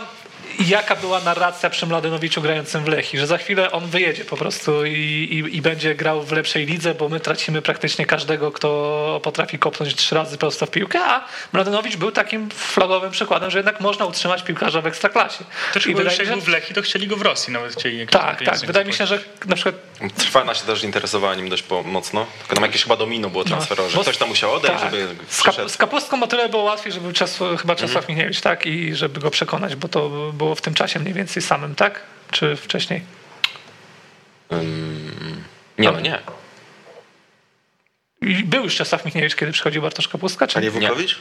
Był jeszcze Wukowicz. No, no to też tak, Kapustkę wydaje mi się, że musimy y, doliczyć do tego, że to zawodnik, którego trzeba było przekonać do powrotu yy, i zrobienia tego kroku w tył. A, a jeszcze miałem powiedzieć, bo mówiliśmy o młodzieżowcach i nie wymieniliśmy nazwiska Majka Nawrockiego, bardziej za całokształt i No Europę. to za Europę, jasne. No, ale trzeba go brać pod uwagę.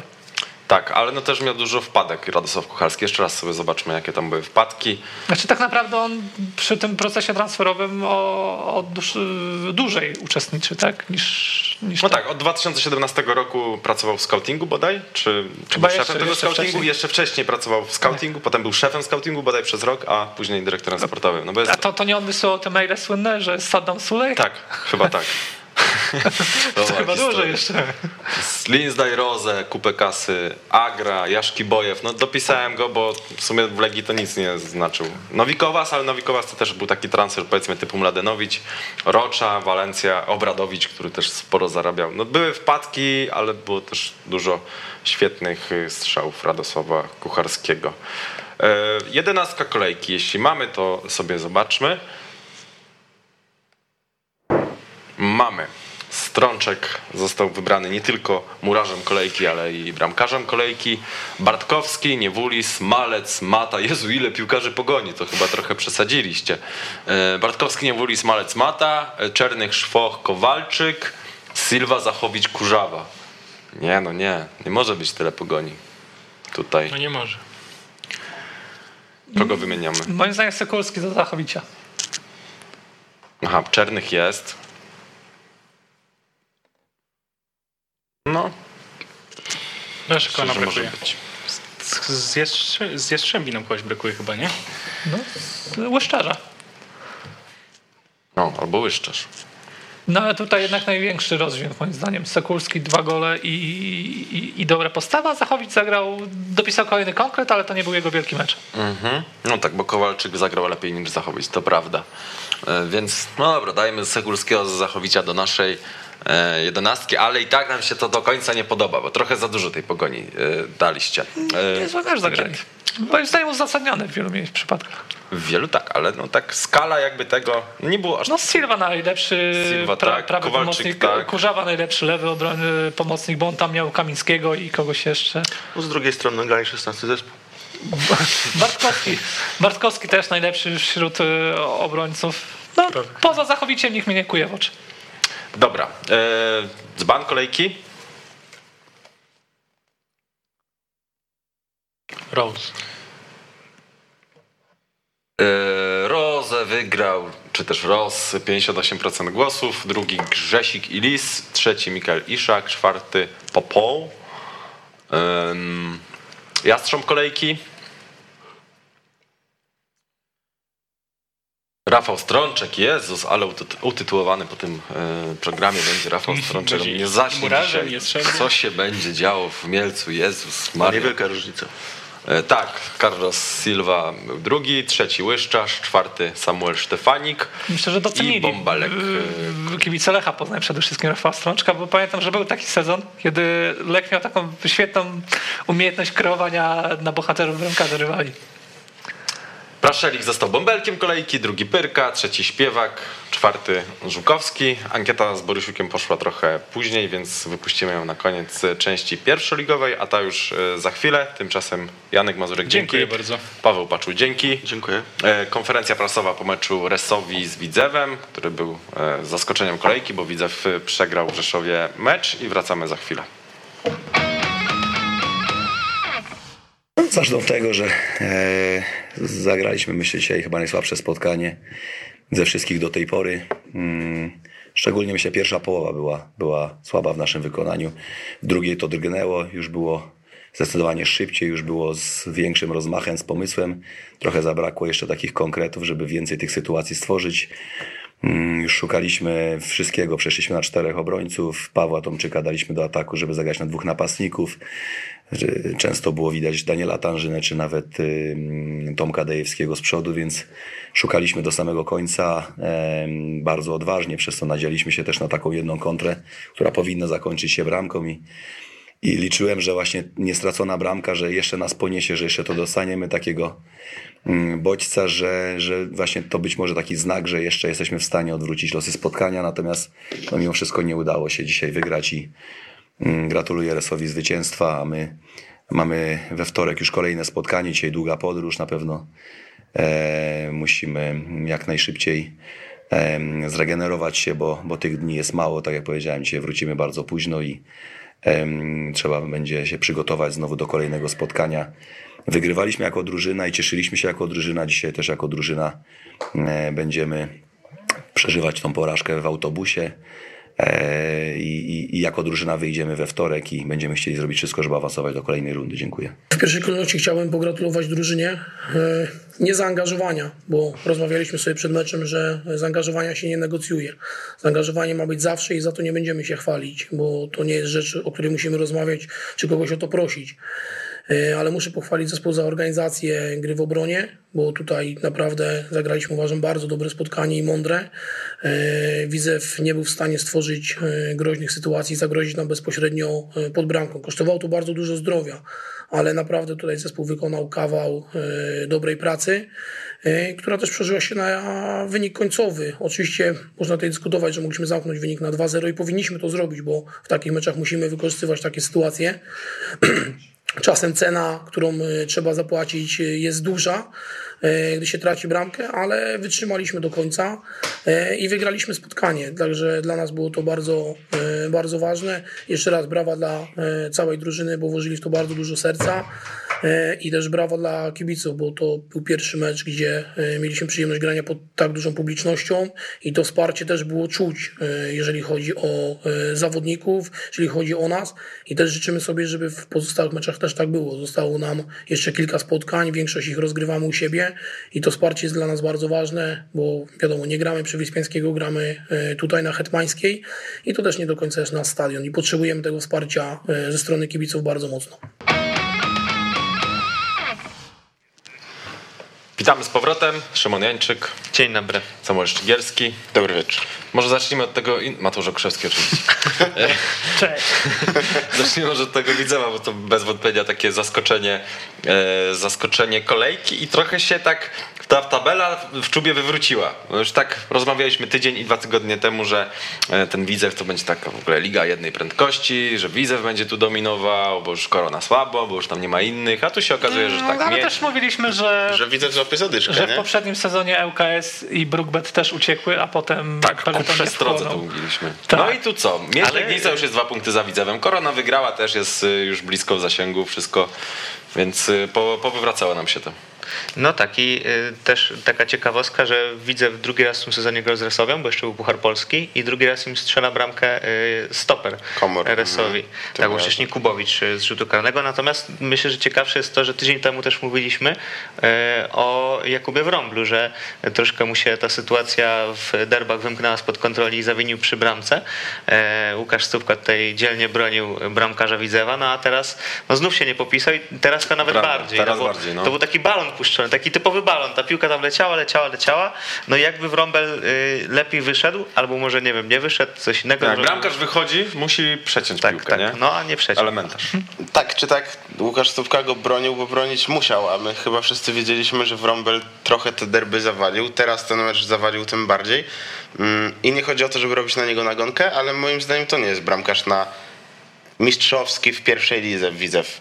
No nie wiem, czy aż tak bym go Był krytykował. bramkarzem na mistrzowską w pierwszej lidze Stal, czy Stal robiącą awans, bo to Jakub Wrąbel był Mhm. jednym z bohaterów Stali, kiedy e, ona robiła awans, a jeśli nie bohaterów, no to podstawowym zawodnikiem. Później wrócił na wypożycz- z wypożyczenia do Wisły e, Płock, także wydaje mi się, że to może być słabszy moment. I teraz pytanie, czy mamy przekonanie do Reszki, który siedzi na ławce rezerwowych. Dwa mecze w tym sezonie zaliczył, ogółem ma Widzewie 3 i to jest taki bramkarz, który jest, przynajmniej z tego co obserwuję, może nie jest to jakaś reprezentatywna grupa, jest ceniony przez kibiców Widzewa i, i, i- te głosy o tym, że może jeśli nie na stałe, no to na chwilę do takiej zmiany e, mogłoby dojść, się pojawiają. No to no nie wiem, na pewno Wrąblowi trzeba oddać to, że to on ustabilizował sytuację, jeśli chodzi o bramkę Widzewa, bo tam wcześniej dopiero się działy e, prawdziwe jaja, a on dał trochę spokoju, w kilku meczach był bohaterem e, tej drużyny i do niego ten kredyt zaufania siłą rzeczy musi być większy. Po jednym z tych mam- dwóch meczów zagranych przez Reszkę,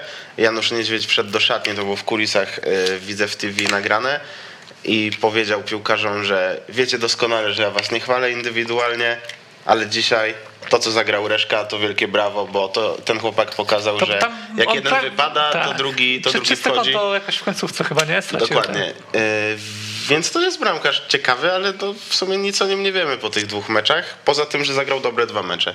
Mam insight z Widzewa, słuchajcie, bo Marcin Kuzewicz z Radia Widzew mi mm, wyjaśnia, że w tej sytuacji bramkarza oślepił Jupiter, bo tam O. jest stadion żużlowy i to oświetlenie jest mocniejsze i troszkę inne niż na y, normalnych stadionach.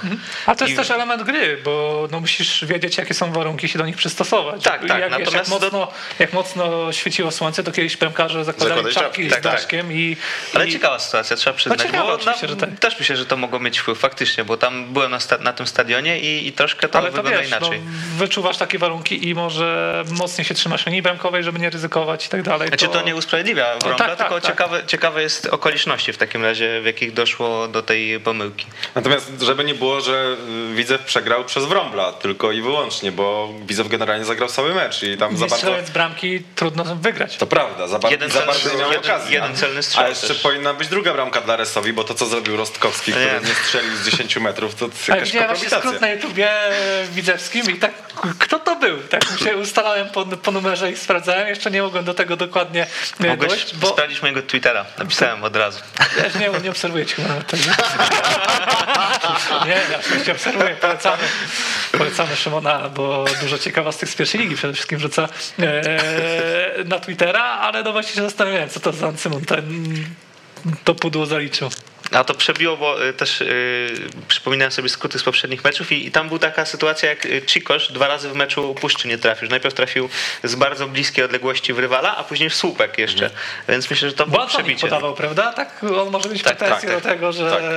no, powinien mieć asystę z 100%. Już piątą chyba w sezonie asysta Antonik miała okradziony w sposób W spektakularny. ogóle odbudował się Kamil Antonik, trzeba powiedzieć. Ja zwątpiłem że w pewnym momencie, że jest to piłkarz nawet na poziomach z e, pierwszej ligi, ale to w tym sezonie pokazuje, że jak najbardziej. No ja trochę wierzyłem w to, że właśnie to, to, ten powrót do Rysowi mu pomoże, bo to było miejsce, w którym się dobrze czuł i tak ewidentnie mm, odżył i też chyba styl mu po prostu Rysowi pasuje.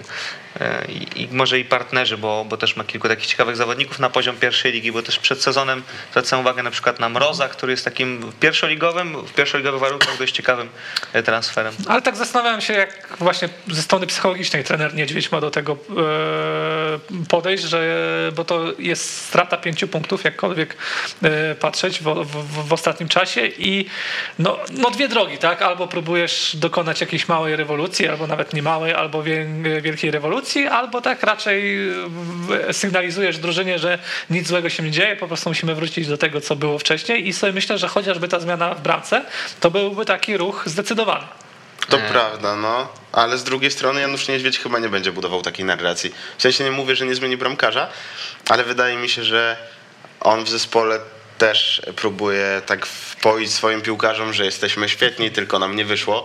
I wydaje mi się, że bez rewolucji. No, no takie miałem wrażenie, jak z trenerem rozmawialiśmy tutaj, że jednak jest od pozytywnego przekazu. Tak, zdecydowanie, ale swoją Tak, drogą... bronił tego Tomczyka, to też tak, też tak. Tak, Ale nie, bo bo chodzi mi też o to, że Widzew ma na kilku pozycjach ciekawą rywalizację i to jest może taki moment, żeby tym piłkarzom do tej pory z drugiego szeregu dać szansę. To prawda, ale z drugiej strony w derbach Łodzi z konieczności, wiadomo, zagrał Mucha i Tetech, no i zagrali słabo. E, więc w sumie szansę jakąś dostali, ale wiem o co ci chodzi i w sumie prawda. Wydaje mi się, że mm, Letniowskiego widać, że nie ma. To jest taki problem w tych ostatnich dwóch meczach, że no po prostu tam nie ma trochę kto tej y, gry ofensywnej ruszyć. Bo to, że Gustek wykończy, czy Montini, ewentualnie to tak, ale wiemy, że Montinim to, to Letniowski strzelał gole tak naprawdę. To też widzieliśmy już w pierwszej lidze. No, więc Guskiem brakuje- też. Co, no nie mów, że nie ma Letniewskiego, to widzę teraz z Resowią nie, nie ma, wy, nie Nie, ma no, wygrać, powinien. bo, bo Nie, nie, no jest, pewnie, był, że był, powinien był, był no Michalski, który No kurwa, miał dobry sezon. w tym tak. sezonie. Michalski e, w tym spotkaniu też się nie popisał, a, a przecież ma dobry sezon, więc jakby po prostu może słabszy dzień też tych jednostek poszczególnych, że, że nic im nie potrafiło wpaść. Natomiast e, tak Nie tak. Jak gdyby nielogiczne byłoby to, gdyby Widzew nie miał tego kryzysu. Szczerze mówiąc, ja nawet nie wiem, czy możemy mówić o kryzysie. Ja jestem bardzo bardziej zdziwiony tym, że Widzewowi tak idzie, niż tym, że teraz mu trochę przestało iść. Podpisuję się, To no. jest, to jest zbyt wyrównana liga, żeby ktoś ją tak zdominował, jak, jakie zakusy miał Widzew. zwłaszcza, że momencie. murawa w Rzeszowie się poprawiła, ale też Ale ale, wciąż daleko ale właśnie, też zawsze w tamtym sezonie już mówiliśmy o tym, że dużo zespołów i, i wielu zawodników zwraca uwagę na to, że to nie są idealne warunki do gry w piłkę. Dobra, stawiamy kropkę, bo mamy już naszego gościa. Kamil Biliński, napastnik Podbeskidzia Bielsko-Biała. Witamy serdecznie. Dobry wieczór. Kamil Biliński, przyszły król strzelców pierwszej ligi. Prawda czy fałsz? No, nie wiem, to są już wasze dywagacje. Ja robię, robię swoje. Najważniejsze jest dobro zespołu, a, a to, że gdzieś tam mówię, współgra to razem ze mną, to, to jest e, fajną sprawą i najważniejsze, żeby zespół szedł do góry, wygrywał mecze i, e, i to jest gdzieś tam mottem e, moim i, i zespołu. Kamil Biliński nagrywa się nam w tle mając jakąś firankę, prawda czy fałsz? Prawda. I to jest wszystko, co masz do... No tak, to bo zo- zobaczyłem, że ta ściana jest zbyt pofalowana, żeby była ścianą. Dobra, to ja może przerwę tę się- zrobiłeś. przerwę tę sielankę i zadam trudne pytanie. Dlaczego chciałeś zrobić krzywdę przeciwnikowi? Ja? Tak. Kiedy dostałeś czerwoną kartkę. E, to już Wracamy jest, do meczu z pana. To już jest pana zdanie. Nie, nie, bo oczywiście pytam prowokacyjnie, ale mieliśmy dużą zagwozdkę, jeśli chodzi o interpretację tej sytuacji, bo ty z jednej strony błyskawicznie wzywałeś pomoc i było widać u ciebie e, współczucie względem tego, czy to, że za, zauważyłeś, że efekt twojego wejścia jest e, dość niebezpieczny. Z drugiej strony ten ruch nogą też był taki no, ewidentny w kierunku bramkarza i my naprawdę nie wiedzieliśmy w pewnym momencie, co o tym wszystkim myśleć. Już w pierwszej części tego pytania pan sobie odpowiedział na, na, na, na jakby moją odpowiedź e, w kwestii tej sprawy, bo jak, prowadzimy 1-0, e, dominujemy w meczu, jestem kapitanem tego zespołu, zależy mi na tym, żeby ten mecz e, e, wygrać i jakim celu miałbym e, zrobić krzywdę e, bramkarzowi przeciwnika. Więc w 21, 29 minucie meczu. No, raczej to jest nielogiczne, e, więc e, e, oczywiście z boiska mm, była sytuacja bardzo dynamiczna. E, ratowaliśmy się we dwójkę, bo i ja i, e, i bramkarz Resowi i tak naprawdę po, za- zaraz po całym e, zdarzeniu, kiedy, kiedy ja go tam trafiłem, wzywałem pomoc, wszystko było gdzieś tam w porządku i sam, e, sam bramkarz wstał i ja go tam oczywiście przepraszałem dalej, bo wiedziałem, że po prostu czymś go uderzyłem, ale nie wiedziałem, że, że to wyglądało tak, jak to wyglądało w, e, na wideo. I on sam e, po prostu mówił, że on, on się ratował i on, on chciał obronić e, ten strzał. Ja chciałem e, po prostu strzelić bramkę i po prostu doszło do niefortunnego zderzenia między, między nami i, i tyle. On ten mecz kontynuował. Ja z boiska absolutnie nie, nie czułem, że jest to, jest to zagranie na czerwoną kartkę, więc oczywiście potem po obejrzeniu wideo miałem tam pe- pewne gdzieś tam wątpliwości, ale ale jak, jak pokazała cała sytuacja, komisja ligi, wszystko, e, zostałem ukarany tylko dwoma meczami e, zawieszenia, bo tak naprawdę e, ta sytuacja mogła mieć różne, różne skutki i ja w tym całym jakby e, całej tej sytuacji, gdybym nie wyciągnął tej nogi, nie wyprostował, prawdopodobnie zerwałbym wiązadła w kolanie, i, bo, bo, bo on dość mocno e, zabrał mi tą nogę, więc trzeba byłoby się troszeczkę popatrzeć z różnych, z różnych e, ujęć całą tą sytuację, więc absolutnie nikt nie chciał tu nikomu zrobić krzywdy i, i po prostu, mówię, doszło do niefortunnej sytuacji. Mhm. Ale tak po czasie pan, bo tak przychodzę na pan, bo ty mówisz na pan, no to żeby była równość w tej sytuacji. No dobra, może, możemy mówić na ty, nie ma problemu. Tak, tak, no to, no to, no, no to mówiąc na ty, że po czasie się zgadzasz z tym werdyktem, że, że, że te dwa mecze zawieszenia to, to była dobra decyzja i, i sprawiedliwa? Po pierwsze, absolutnie z boiska nie zgadzałem się na czerwoną kartkę, bo, bo to nie, był, nie była zamierzona e, sytuacja i prawdopodobnie gdyby nie było e, waru w tym meczu, e, nikt, nikt, ja to w ogóle po pierwsze, ja nie zostałem ukarany żółtą kartką w tym meczu i wiele osób zastanawiało się, czy war jest sprawdzany, czy nie będzie rzutu karnego dla nas, a nie dla czerwonej kartki dla mnie, więc, e, więc raczej, raczej to jest gdzieś tam pierwszą podstawową sprawą, że, że ja się z tą czerwoną kartką z boiska nie zgadzałem i, i, i dlatego tam moje też reakcje na, na tym e, boisku były takie, a nie inne. E, dlatego mówię, no ja e, przyjąłem karę, karę taką, jaką przyjąłem, ale mówię, no w 100% się nie zgadzałem na to, że, że, że, że po prostu dostać większe, e, większe mm, no, większe upomnienie niż, niż po prostu tych dwóch meczy, czyli normalnego faulu e, na czerwoną kartkę. A to, było tak, że po meczu z Resowią miałeś dni takie mniej przyjemne? Chodzi mi o to, że odczuwałeś to, że zrobiłeś w oczach ludzi przynajmniej coś złego, że dostawałeś jakieś wiadomości na ten temat? Nie, Nie, nie, nie, absolutnie nie. Bardziej, bardziej wiadomo, jak to, jak to jest w internecie, wylała się trochę e, fala hejtu na mnie, całej tej sytuacji, że ja gdzieś specjalnie komuś zrobiłem krzywdę, nawet w Hiszpanii chłopacy tutaj z całego zespołu się śmiali, że, że Marka pisał o, mnie jako o brutalu, który e, specjalnie kopnął w twarz e, przeciwnie, bramkarza przeciwnego zespołu, więc trochę dość śmieszna sytuacja i, i tyle. Absolutnie nie odczuwałem jakichś e, złych sytuacji, bardziej, bardziej byłem zły, że, że jeszcze nam przełożyli mecz w tamtym momencie w Olsztynie i, i musiałem e, trzy tygodnie pauzować i nie mogłem trzy tygodnie pomóc zespołowi, więc, więc to mnie gdzieś tam e, bolało, że, że muszę aż e, tak długą karę bez, bez możliwości grania na boisku spędzić. Tak się też złożyło, że akurat pod Beskidzie przegrało te dwa spotkania, w których nie mogłeś mu pomóc. Mm, Zostałeś latem w drużynie, mimo że pewnie kluby z Ekstraklasy chciałyby cię z niej wyciągnąć, bo trochę tych bramek na tym poziomie strzelałeś. E, Co cię przekonało, żeby pozostać w Bielsku? Nie chciałeś się już dalej przenosić i jak się też czujesz z tą rolą lidera, który jest odpowiedzialny za ponad połowę bramek e, twojego zespołu w tym sezonie? Podstawową sprawą było to, że e, przez mój e, indywidualny gdzieś tam dobry e, sezon poprzedni, jakim był sezon Ekstraklasy, mój kontrakt się tu w Bielsku przedłużył o, o kolejny rok, więc jakby nie miałem możliwości odejścia po prostu sobie od tak i, i za bezcen. E, Klub absolutnie nie chciał mnie puścić. e, Widział we mnie osobę, która ma być jednym z liderów tego zespołu i, i dlatego e, zostałem tutaj na dłużej w tej chwili. Oczywiście zdaję sobie z tego sprawę, jaka jest, jaką rolę mam w tym, w tym zespole i w klubie co, co muszę znaczyć i, i teraz będąc jeszcze kapitanem tego zespołu muszę po prostu dobrze grać, e, pomagać zespołowi, przede wszystkim trzymać, e, trzymać e, wszystko razem w ryzach, więc cieszy mnie to, że, że coraz lepiej to wygląda, mm, że zespół się rozwija, mamy naprawdę fajny pomysł na granie.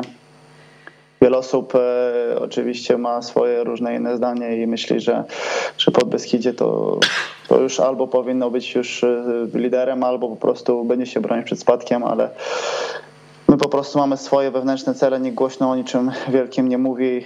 E, Mamy swój plan, który chcemy realizować i, i po prostu e, po cichu e, do niego idziemy. Trochę się mówiło też, e, a przynajmniej trener Jawny mówił o chęci i o zaangażowaniu na ostatnich konferencjach prasowych. Podkreślał, że to jest bardzo ważne, e, jeśli chodzi o wasze wyniki i że bez tego nie ma mowy o zwycięstwach. Tam też czepiał się drużyny, czy może poszczególnych graczy po meczu w Olsztynie. Faktycznie uważasz, że właśnie tego wam brakowało, żeby e, iść tak co mecz skutecznie po trzy punkty? My w wielu poprzednich meczach gdzieś tam naprawdę graliśmy fajną piłkę, ale czasami samo granie w piłkę e, nie daje też stuprocentowych e, rezultatów e, wygrywania spotkań, więc e, tak jak wspomniałeś, taki mecz w Olsztynie, kiedy w 25 minucie prowadzisz 3-0 i w niepotrzebnych okolicznościach doprowadzasz sobie do wielkiej nerwówki, do, do, do przerwy, gdzie 3-2 e, schodzimy do przerwy. Jeszcze Stomil ma jeszcze sytuację, żeby zremisować się na, w tym meczu. Wprowadziło dużo nerwowości, czasami gdzieś tam, mówię, e, pewne sy- sy- sytuacje gdzieś tam się nie zgadzały i, i trener wiadomo ma swoje gdzieś tam jakby przemyślenia i, i, i zawsze dużo wymaga, ale, ale przede wszystkim mamy też grać w piłkę i podstawową sprawą jest to, żeby, żeby pod Beskidzie grało ładnie, ładnie dla oka i nigdy się gdzieś tam mówię nie, e, nie poddawało i chociażby tak jak wczoraj walczyło do ostatniej e, minuty meczu, żeby, żeby przechylić szale na swoją korzyść. Trener Piotr Jawny był naszym gościem jakoś na początku sezonu. E, Jak przegraliście e, swoje i zremisowaliście, no generalnie punkty potraciliście i on wtedy podszedł do tego tak, że może trzeba się zastanowić, czy pod Beskidzie to jest faktycznie zespół mm, na awans i czy nie trzeba trochę przeformatować tych celów. Z kolei nie tak dawno temu udzielał wywiadu i mówił o tym, że on chce być w przyszłości trenerem Chelsea. E, Więc pytanie, u was jeśli chodzi o motywację, on jest taki bardziej pro piłkarze na zasadzie jesteśmy świetni, teraz nam na pewno wyjdzie e, kolejny mecz, czy jest trochę odwrotnie, na zasadzie to do poprawy, to do poprawy, to do poprawy? E, No różnie, to nawet po części e, jest 50 na 50, bo są rzeczy, gdzie jest, jest motywatorem, ale są, są momenty, w których e, po prostu kiedy trzeba coś poprawić, to, to, to po prostu to, to pokazuje. Mamy dwóch młodych, fajnych trenerów z super, jakby to powiedzieć, podejściem i spojrzeniem na, na, na piłkę, więc jak wszyscy już wiedzą, trener Piotr jest od, od ofensywy, trener Marcin od, od defensywy, więc jakby zawsze wszystkie analizy są dzielone na pół i, i, i są rzeczy do poprawy w ofensywie i w defensywie, więc e, nigdy nie ma, że wszystko jest super świetnie.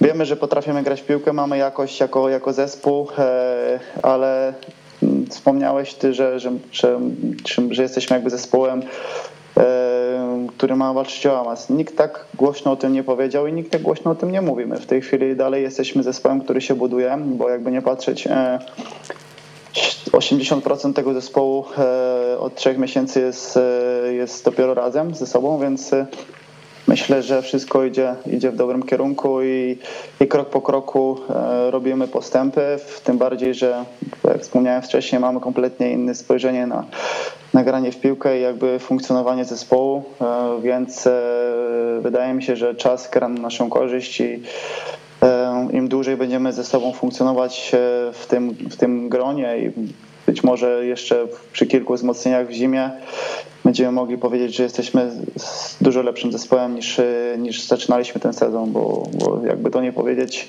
pierwsze mecze tego sezonu były jakby okresem przygotowawczym dla nas, a po prostu potrzebna była e, odrobina czasu na to, żeby wszystko się mocniej i lepiej scaliło.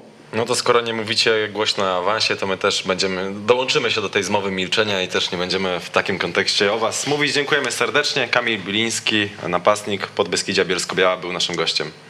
Dziękuję, dobranoc. Pozdrawiamy. Eee, zmieńmy temat. Dlaczego w naszym imieniu się wypowiadasz? Ja uważam, że jak masz Janotę, Rebaszwilego, Romana Bilińskiego, Roginicia proszę mówić, proszę mówić. i jeszcze kilku innych zawodników, to musisz być kandydatem Możemy wykręcić do... jeszcze raz do Kamila i powiem, że odwołuję co powiedziałem. Swoją drogą Janota trochę rozczarowanie do tej pory, bo też. Y, to między innymi o niego wtedy chodziło trenerowi Jawnemu i o tą nieodpowiedzialną stratę y, piłki pod własnym polem karnym, ale ostatnio się odkupił, bo już lepszy mecz zagrał i, i to on podawał do Bonifacio przy tej bramce na 2 Bonifacio jeszcze do tej układanki, do tej wyliczanki oczywiście. Bardzo przepraszam. Tak. zmieńmy temat, e, przenieśmy się z Bielska Białej do Legnicy. Tam mecz w sumie chyba taki najważniejszy dla e, tej kolejki, bo Mieć wygrała z Arką Gdynia i jak wspomniałem wcześniej, na dwa punkty zbliżyła się do Widzewa, a w następnej kolejce Mieć gra z Widzewem i wydaje mi się, że Mieć przystępuje z taką przewagą psychologiczną do tego spotkania, przystąpi, bo po pierwsze to Widzew musi, a nie Mieć, po drugie no Mieć jest na fali, a Widzew ma lekki, lekki dołek. Może zobrazuje tę falę, bo, bo nie wszyscy może zdają sobie sprawę, jak e, poważnie ona wygląda. Sześć meczów bez zwycięstwa, przy czym bez porażki, przy czym pięć wygranych i remis i też 388 minut bez straconego gola w ogóle. E, a z Myślę, gry... że jakoś tak zobrazował zobrazować falę, no właśnie. To, to, nie, jeśli nie miałbym być, zobrazować, to jest takie. Nie chcę być takie Okay. Nie, nie była taka fala, wiesz, jezioro, jezioro sierpia 2013. Nie chcę być jeszcze bardziej suchy niż zazwyczaj jestem, ale jak Szymon pokazuje tą falę i widzę, że ma koszulę w ryby, w ryby, czy tam w rekiny, to tak, wygląda takim, to dosyć absurdalnie. Takim rekinem właśnie jest y, mieć Legnica w ostatnich kolejkach. Tak. Sharksem. Taki. No może to, to się akurat w środowisku piłkarskim źle kojarzy. To prawda. Zostańmy y, przy rekinie. A też... Natomiast też mieć tak trochę y, jak Kamil Biliński po cichu, bo nie mówiliśmy za dużo o miedzi, a, a tam się naprawdę zrobiła fajna paczka i też transfery wypaliły, bo nie wiem, Maxim Dominguez chociażby bardzo fajnie się pokazuje, czy, czy Karolina też. I on Arur Tenecze. Tak. Tak, kilku, kilku zawodników na pewno możemy e, wyróżnić, tylko chciałbym, żeby się mieć uwiarygodniła na dłuższym dystansie, bo ona ten kryzys, który teraz widzę przechodzi, już ma za sobą i miała go wcześniej e, i też po całkiem niezłym i obiecującym starcie e, pojawiło się takie zwątpienie, jeśli chodzi o, o mieć, to ja bardzo czekam na ten, na ten mecz, bo on nam tak naprawdę dużo, dużo powie, a trzeba pamiętać, że no, szkoleniowiec, który też był naszym gościem, czyli Wojciech Oponiński, też jest szkoleniowcem, który stawia dopiero swoje pierwsze kroki e, i to myślę, że e, ma znaczenie. To ja może jeszcze dodam, jeśli chodzi o to... Um... No bo też początek mhm. Krzysztof Drzazga, być może najlepszy piłkarz w, mhm. w lidze na samym starcie, kosił liczby jak zły, potem wypadł ze względu na kontuzję. Trochę trzeba było czasu, żeby się przeorganizować, żeby te akcenty w ofensywie rozłożyły się na kilku zawodników. Może w pewnym momencie myślałem, że przez zapolnik może przejmie tę rolę, a nie do końca ją przejął. E, raczej to, tak jak powiedziałem, rozłożyło się na kilku piłkarzy, także no, mieć na pewno Zresztą to jest rzeczywistość ostatnich sezonów, że na mieć zawsze trzeba zwracać uwagę i ona zawsze może zaskoczyć. To te, asystent trenera Łobodzińskiego, Radosław Bella w e, podcaście Niski Pressing, to jest taki program o, o Miedzi Legnicach, który polecam, zwracał właśnie, ciekawie mówił o tej przemianie, bo y, też wspomniał o tym, że po tych czterech meczach, w których Miedź strzeliła jedną bramkę, doszło do takiej rozmowy w szatni, tylko nie na zasadzie y, męskich słów i, i, krzyczenia, tylko spokojnego wyjaśnienia y, tego kryzysu. I, i też jakby jego tezą było to, że właśnie mogło być tak, że zawodnicy nie potrafili przejąć tak szybko tej, tego ciężaru bramek po Krzysztofie Drzazdze, ale tam jeszcze było, ciekawie mówił o zmianie ustawienia, bo e, ten wyjście z kryzysu się wiąże z tym, że mieć przeszła z gry trójką obrońców na czwórkę i zwraca uwagę na to, że dzięki temu mają po bokach boiska ofensywnie grającego Juricha Karolinę i Carlosa Martineza bodajże, e, którzy podwajają im e, możliwość wykończenia akcji. I faktycznie od tamtej pory e, ci zawodnicy łącznie przyczynili się do czterech bramek miedzi, więc no coś w tym jest, że, że to nie jest takie puste gadanie, tylko faktycznie ten pomysł, ta zmiana ustawienia działa. E, większość z tych bramek to były e, bramki Julicha Karoliny, tam asysty i asyst drugiego stopnia, więc też widać, że ten zawodnik trochę odżył w tym ustawieniu z czwórką defensorów, lepiej się czuje, no i faktycznie mm, cieszy przede wszystkim to, że młodzi trenerzy tak szybko znaleźli e, sposobność na wyjście z tego kryzysu i też potrafią to wyjaśnić prostemu ludowi, że tak to nazwę, żeby wszyscy pojęli, co tam się stało, a nie przypuszczali, że tam doszło do jakiejś rewolucji czy trzęsienia ziemi. W ogóle wyczuwam tak takie przytyki w stronę Arki Gdynia, jak o tym wszystkim mówiłeś. Dużo młodzi trenerzy, duże wyjście z kryzysu. Bo, a, nie, bo w Arce Gdynia zmienił się trener już dwa tygodnie temu. A jeszcze nie powiedzieliśmy o tym, bo tydzień temu mieliśmy taki widzewski program, to nie bardzo była okazja. E, no i się zastanawiam, czy Kołakowcy w końcu trafią z trenerem, bo Mamrota zatrudniali jako renomowanego wtedy trenera, a okazało się, że w sumie szukają czegoś innego. Marca doskonale znali, ale też nie wypaliło. Teraz sięgałem po takie oczywiste nazwisko z karuzeli, bo Ryszard Tarasiewicz kojarzy nam się jako trener, który kiedyś był w Ekstraklasie i radził sobie średnio, ale już ugruntował swoją pozycję jako taki ale trener lepszy klubów pierwszoligowych. Dość dawno był w Ekstraklasie no, właśnie. Ryszard Tarasiewicz. Tak, bardzo 6 lat. Dawno, 6 lat W Koronie chyba ostatni też, raz, i też, czy potem? I ostatnio, nie, nie, w Koronie ostatnio. W Koronie, a potem I, tylko no to tam prawie spadł z ligi. Ale i po tym, kiedy był e, w Ekstraklasie, miał dwa projekty, które docelowo miały się kończyć mhm. awansem, się nie kończyły awansem awansem, tak jak teraz w Arce Gdynia, bo prowadził Mieć Legnica, która miała swoje aspiracje, a pod Ryszardem Tarasiewiczem nie potrafiła ich zrealizować. Dopiero pod Dominikiem Nowakiem ten awans e, się pojawił. No i potem GKS Tychy, gdzie też te oczekiwania były większe niż, e, niż wskazywać by mogły na to wyniki, które osiągał Ryszard Tarasiewicz. No i pod tym względem się raczej zastanawiam, e, czy w końcu wyjdzie, że jest do trzech razy sztuka i on te szanse wykorzysta.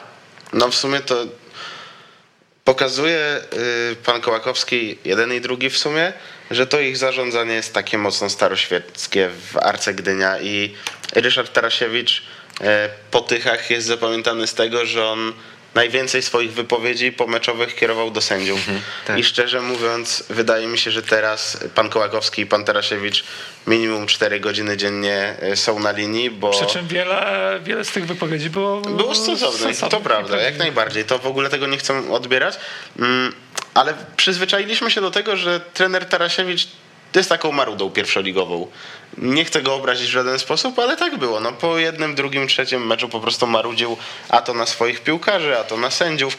Miał prawo, ale to było takie pokazujące jakby mm, nie otwierał głowy na to, co po prostu sam może zmienić i szczerze mówiąc się zdziwiłem, że Arka Gdynia go, go e, wzięła, a tam jest trochę kłopotów. No to co Roki powtarza już kilka razy, taki rosołek wiosną strzela 10 goli, a teraz przez cały sezon dotychczasowy ma jednego e, tylko gola, więc e, no jest dużo problemów Znaczy, ale mi się wydawało, że to właśnie może być taki lider Arki Gdynia. no. On W ma co, goli, w goli bez asysty jest, W nie? pierwszym No, meczu no, no. odżył właśnie po przyjściu nie. trenera Tarasiewicza. Generalnie nie punktuje. To jest e, chyba in, taki z- typ zawodnika, o ile Hubert Adamczyk to no jak z rękawa wali kolejne e, gole czy asysty, no to to jest piłkarz, który ma duży wpływ na grę, w- gdzie nie trzeba mieć, nie wiem, jakichś kursów scoutingowych czy licencji trenerskich, żeby go obserwować i widzieć, że on potrafi grać w piłkę, ale no inny typ zawodnika niż właśnie taki ktoś, kto będzie trzaskał kolejne liczby.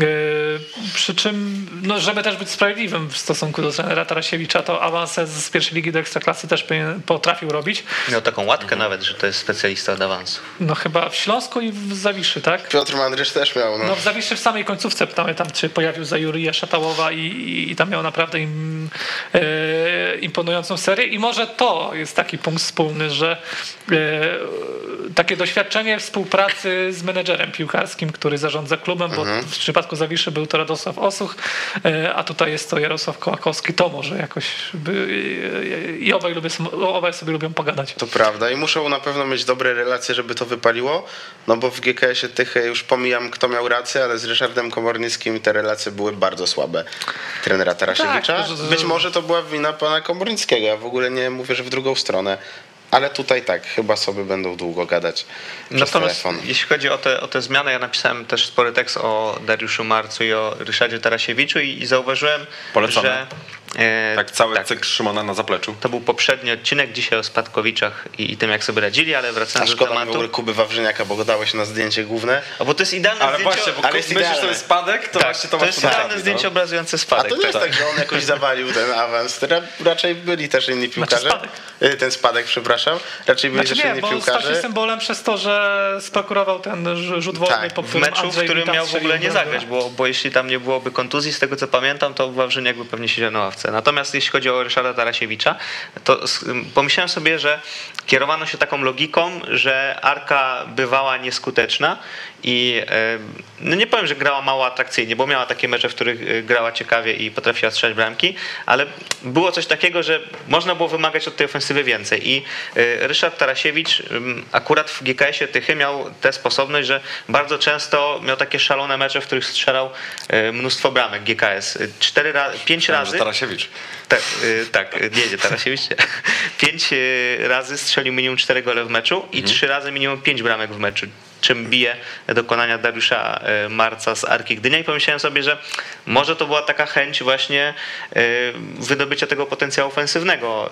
powo- To kierowało tym ruchem. Natomiast z drugiej strony były też szalone mecze w drugą stronę, że GKS tych mnóstwo tych bramek tracił i to się jakby zerowało, więc też no jest pewna obawa, że zastanawiam się, czy ten ruch się tak na dłuższą metę faktycznie sprawdzi jako zastępstwo, czy to będzie takie trochę zdreptanie w tym samym miejscu. A propos e, Dariusza Marca, w ogóle możemy sobie zobaczyć jego e, bilans w Arcy Gdynia w tle naszej rozmowy. Fajna wypowiedź e, w audycji Pawła Paczula o trójmiejskiej piłce weszło FM. E, Dariusz Marzec powiedział tam, że piłkarze mieli łzy w oczach, gdy, odchodzi, gdy odchodził. Ale- Nie chce mi się wierzyć w wersje Mnóstwo, wydarzeń. mnóstwo komentarzy od razu się pod tym pojawiło, że to chyba ze szczęścia. No, jakby to powiedzieć, z tego co ja słyszałem też pisząc ten tekst, no Dariusz Marzec nie cieszył się jakby dużym zaufaniem piłkarzy, czy y, nie ceniono jego charyzmy i podejścia do widocznie zespołu. złe języki ci to podpowiedziały, bo płakali w szatni, jak odchodził. Być może. że W Mielcu, w Mielcu było tak, że no, też nie, notowania trenera nie stały najwyżej i to tak delikatnie rzecz ujmując. No właśnie i w Arce słyszałem podobnie i, i to był jakby kolejny klub, w którym się Tylko potwierdzały taka, te... że w Mielcu pomimo tego awans był, a w Arce nie. No w Mielcu mieli, zaryzykuję stwierdzenie, że troszkę lepszą pakę niż y, w Arce w poprzednim sezonie i dlatego im No się a to ta udało. pierwsza liga to Ale w ogóle bardzo przewrotna i tutaj W ogóle trudno, zau- trudno to wymierzyć. Zauważcie w ogóle, że Arka Gdynia znowu bierze tego typu trenera. No bo jednak, Jakiego? kurczę, specyficznego jeśli chodzi o wypowiedzi względem Ale piłkarzy. właśnie chodzi mi, wydaje mi się, że o grę, tak? nie, nie, nie, że po, tych, po tej krótkiej próbie, czyli Mhm. po trzech trenerach, trudno tutaj znaleźć jakiś taki klucz, który byłby No nie ma. No. nie Ja ma, nie bo, widzę- nie, całkowicie- całkowicie inny typy. specyficzny. Marzec jest po prostu dziwny. A Tarasiewicz jest, Ale to prawda. tak, a Tarasiewicz jest takim typem No dobra. luzaka, takiego fajnego gościa, który Zobra- często się denerwuje a-. Zobrazujmy to może, O, może tak, tak. bo Dariusz Marzec miał ostatnio taką wypowiedź o tym, że Arka się sfrajerzyła w jakimś meczu. Tak. I ciężko mi było go wziąć na, na, tak na poważnie, tak na serio, przestraszyć się tego, co on mówi, y, jakbym był piłkarzem, że on tak już się zdenerwował i mówi o tym frajerstwie. A kolei jeśli by Ryszard Tarasiewicz coś takiego powiedział, no to coś czuję, że to by zostało tak poważnie odebrane w szatni, jeśli by takie słowa padły z jego ust, To, więc to prawda. taka jest różnica. A propos Ryszarda Tarasiewicza, to Adam Budzi Sło- u, u, cie- u ciebie respekt, tak? Tak. Tak, o właśnie o tę charyzmę, o której też wspominałem, że, że trenerowi Marcowi być może jej brakowało, a trener Tarasiewicz mimo wszystko taką charyzmą się cieszy też z racji dokonań piłkarskich. No ostatnio odpaliłem sobie kompilację chyba 100 najpiękniejszych goli w historii reprezentacji Polski i tam naprawdę w czołówce kilka bomb. No, Mój, mój znajomy No. e, z starszej daty wspominał, że grał w jakimś meczu takim towarzyskim, charytatywnym e, z Nie, Ryszardem o Tarasiewiczem. poważnych meczach reprezentacji Ale Polski. słuchaj, to, był, to były czasy, kiedy Ryszard Tarasiewicz był jeszcze był tuż po zakończeniu kariery albo, albo ją kończył. I mówi, że strzelił e, bramkę chyba z e, poza połowy, jakoś tak z 60 metrów. I mówi, że w życiu nie widział takiego zawodnika jak Ryszard Tarasiewicz. Nie no, kopyto na pewno miał. Tak. Tak, i naprawdę polecam te gole, żeby sobie odświeżyć, bo e, to jest historia, którą warto pielęgnować. Może to nie były te najpiękniejsze czasy w historii polskiej piłki, ale też fajną kartę tutaj Ryszard Tarasiewicz zapisał, ale tu oczywiście skupiamy się na tym, jaką kartę zapisuje e, jako trener e, i tutaj ten znak zapytania jest dość spory moim zdaniem. Właśnie Adam Sławiński, który często był z nami w Weszło Polskich, robił wywiady przedmeczowe, jeszcze jak e, trener Tarasiewicz był trenerem Miedzi Legnica dla Polsatu. Nie pamiętam, o którego piłkarza chodziło, więc wymyślę nazwisko jakiegoś tam Alvareza. E, No i idą do strefy wywiadów. Widzi, że w składzie jest ten piłkarz Alvarez i Adam pyta trenera Tarasiewicza, to trenerze ten Alvarez gra bardziej na skrzydle, na prawej obronie. Tak, tak, to jest prawy obrońca, on tutaj z nami występuje, okej. No i Adam zaczyna od e, wywiad właśnie od pytania o tego Alvareza. No macie nowego e, dzisiaj prawego obrońca, akurat Alvareza, a trener Tarasiewicz totalnie poważnie, przecież to jest ofensywny pomocnik. Pan w ogóle zna się na to, co pan robi? Więc powiem wam, że To mi się bardziej podobała ta anegdota, którą Paweł Zarzeczny opowiadał, że jest mecz e, Zawiszy z Legią i coś tam nie wyszła chyba pierwsza połowa Zawiszy. E, No i ale tam Za- Zarzeczny gdzieś sobie przechodzi i w przerwie meczu spotkał na papierosie Ryszarda Tarasiewicza. Ten sobie pali, pali i Zarzeczny, no Rysiek, ty, ty nie jesteś szatni, ty im nie, nie, nie, nie, ten, nie, nie przekazujesz wskazówek, nie mówisz co, co mają robić w drugiej połowie. On się tak zaciągnął, Pawełek, co ja teraz będę pierdolił? I właśnie dlatego mówię, że Ryszard Tarasiewicz być może cieszy się większą charyzmą niż Dariusz Marzec. Tak, bo on łączy sobie właśnie choleryka i luzaka. To prawda, jest ale bardzo Dariusz. Marzec, bo my zazwyczaj go raczej krytykowaliśmy. No sam dzisiejszy twój występ a propos trenera Marca o tym mówi. Jedno- Jedno słowo tylko No to prawda, ale dużo mówiące. Natomiast y, raz do mnie dzwoni, to tak dosyć niedawno, Dariusz Marzec i się zdziwiłem, myślałem, że dzwoni się pokłócić, szczerze mówiąc, że coś złego powiedzieliśmy. A on dzwoni i mówi, wie pan co, bo ja z tego weszło, to tylko do pana mam numer, a chciałem, żeby pan przekazał, już mnie nie było weszło, ale chciałem, żeby pan przekazał y, panu Krzysztofowi Stanowskiemu, że go bardzo szanuję, bo obejrzałem Hate Park o Pawle Zarzecznym i to było piękne. To proszę przekazać, pozdrawiam, do widzenia. Przekazałeś? Przekazałem. Napisałem mu wiadomość. Dariusz Marzec szanuje twój hate park. Myślałem, Cudowna anegdota. myślałem, że pochwalisz może, bo też w tym Ja tekście... skoczyliśmy na wysoki poziom z anegdotami, ja tak samo... No, no, zniżył, zniżył, zniżył, to prawda. Gdyby ona była pierwsza, to byłaby lepiej. We wspomnianym tekście były też słowa pochwalne względem trenera Marca, bo na przykład stałe fragmenty gry za jego kadencji w Arce Gdynia i w ofensywie i w defensywie to było coś, co Arkę wyróżniało i tak się składa, że akurat po stałym fragmencie gry e, Miedź Legnica strzeliła Arce tego zwycięskiego gola, więc tutaj e, no na pewno nie było też tak, że trener Marzec tam na niczym się nie znał, ale to No była nie, no taka bo jakby... wyrażamy się o trenerze z pewną dezaprobatą, a to nie do końca uczciwe, bo chociażby ten finał Pucharu Polski się sam nie, nie osiągnął, nawet jeśli trener w finale popełnił jakieś błędy, choć w tym rozm- wspomnianej rozmowie z Pawłem, którą też czytałem, się bronił przed tym, tymi zarzutami, że zrobił bardzo złe zmiany, przez które Arka przegrała e, z Rakowem. I to nie jest tak jednoznacznie zła przygoda, że, że, że w zasadzie wszędzie, wszędzie się na tego Dariusza Marca narzeka, cały czas coś e, może nie pasować, a te wyniki, które on osiąga nie są jakieś bardzo złe. Tak, no nie sądzę, że jakieś bardzo też dobre, ale no takie powiedzmy, że solidne, e, ale też żeby, żeby nie tylko krytykować z tekstu Szymona e, ciekawostka, którą z kolei Szymon zaczerpnął z taktycznie net, że był trenerem na poziomie pierwszej ligi, którego zmiany najczęściej dawały efekt No właśnie bramkowy. tego szukałem, w, w opozycji do tego, że w samym finale złe zmiany zrobił, Mhm. no to generalnie jest to statystyka 4,75, znaczy inaczej, gol co 4,75 zmiany.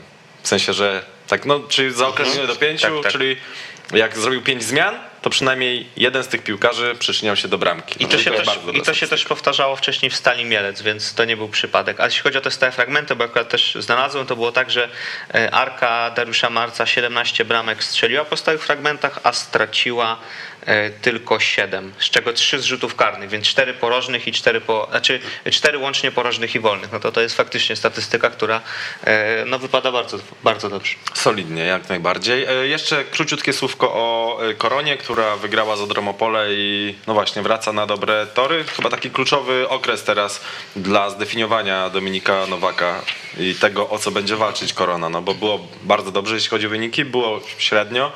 No i teraz pytanie, czy znowu będzie bardzo dobrze. A to też ciekawa sytuacja, bo już nawet z samych Kielc, które e, często wątpią w moje informacje z korony, płynęły wieści, że Dominik Nowak już faktycznie jest na wylocie kompletnie i, i do tej zmiany dojdzie. Z, z tego co wiem, tam e, nie do końca się zgadzały kwestie finansowe, jeśli chodzi o jakiegoś następcę i stwierdzono, że w sumie na razie ten trener Nowak zostanie. No i ciekawi mnie teraz, jak to zostanie rozwiązane. Jakiegoś zastępcę? I, znaczy, Bo e, informowałeś Leszko, że o, tak, coś tak, się tak. zmieniło? Nie, no ja mówiłem cały czas o tym samym, o tej samej kwestii, że tam po prostu sztab plus Leszek Ojrzyński no, trochę nie za bardzo były, były na to finanse, e, jak się ostatecznie okazało i no, piłkarze myślę też sobie zdawali sprawę, że tam już za moment może dojść do takiej zmiany i teraz ciekawi mnie, jak, e, jakie będzie z tego wyjście, czy na przykład to przełamanie okaże się zwycięską serią korony i Dominik Nowak wróci do łaski i zagrzeje ten e, fotel, czy jednak to już będzie takie trochę raz się uda, raz się nie uda i takie, i takie broczenie tak od wyniku do wyniku. Ale prawda jest taka, że przez to, że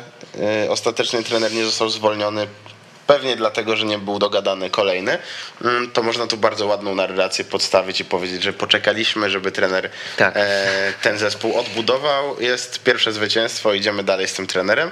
Mm, No i dobrze, no niech to w ten sposób idzie, tylko wydaje mi się, że kulisy były zupełnie inne niestety.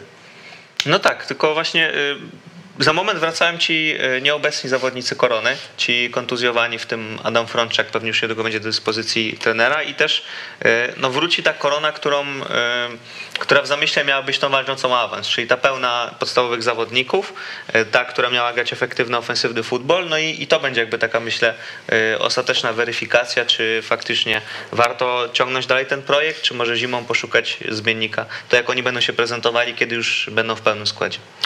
O Jezu, zapomniałem. Zapomnieliśmy wyników pokazać całej kolejki pierwszej ligi. Teraz pokażmy je.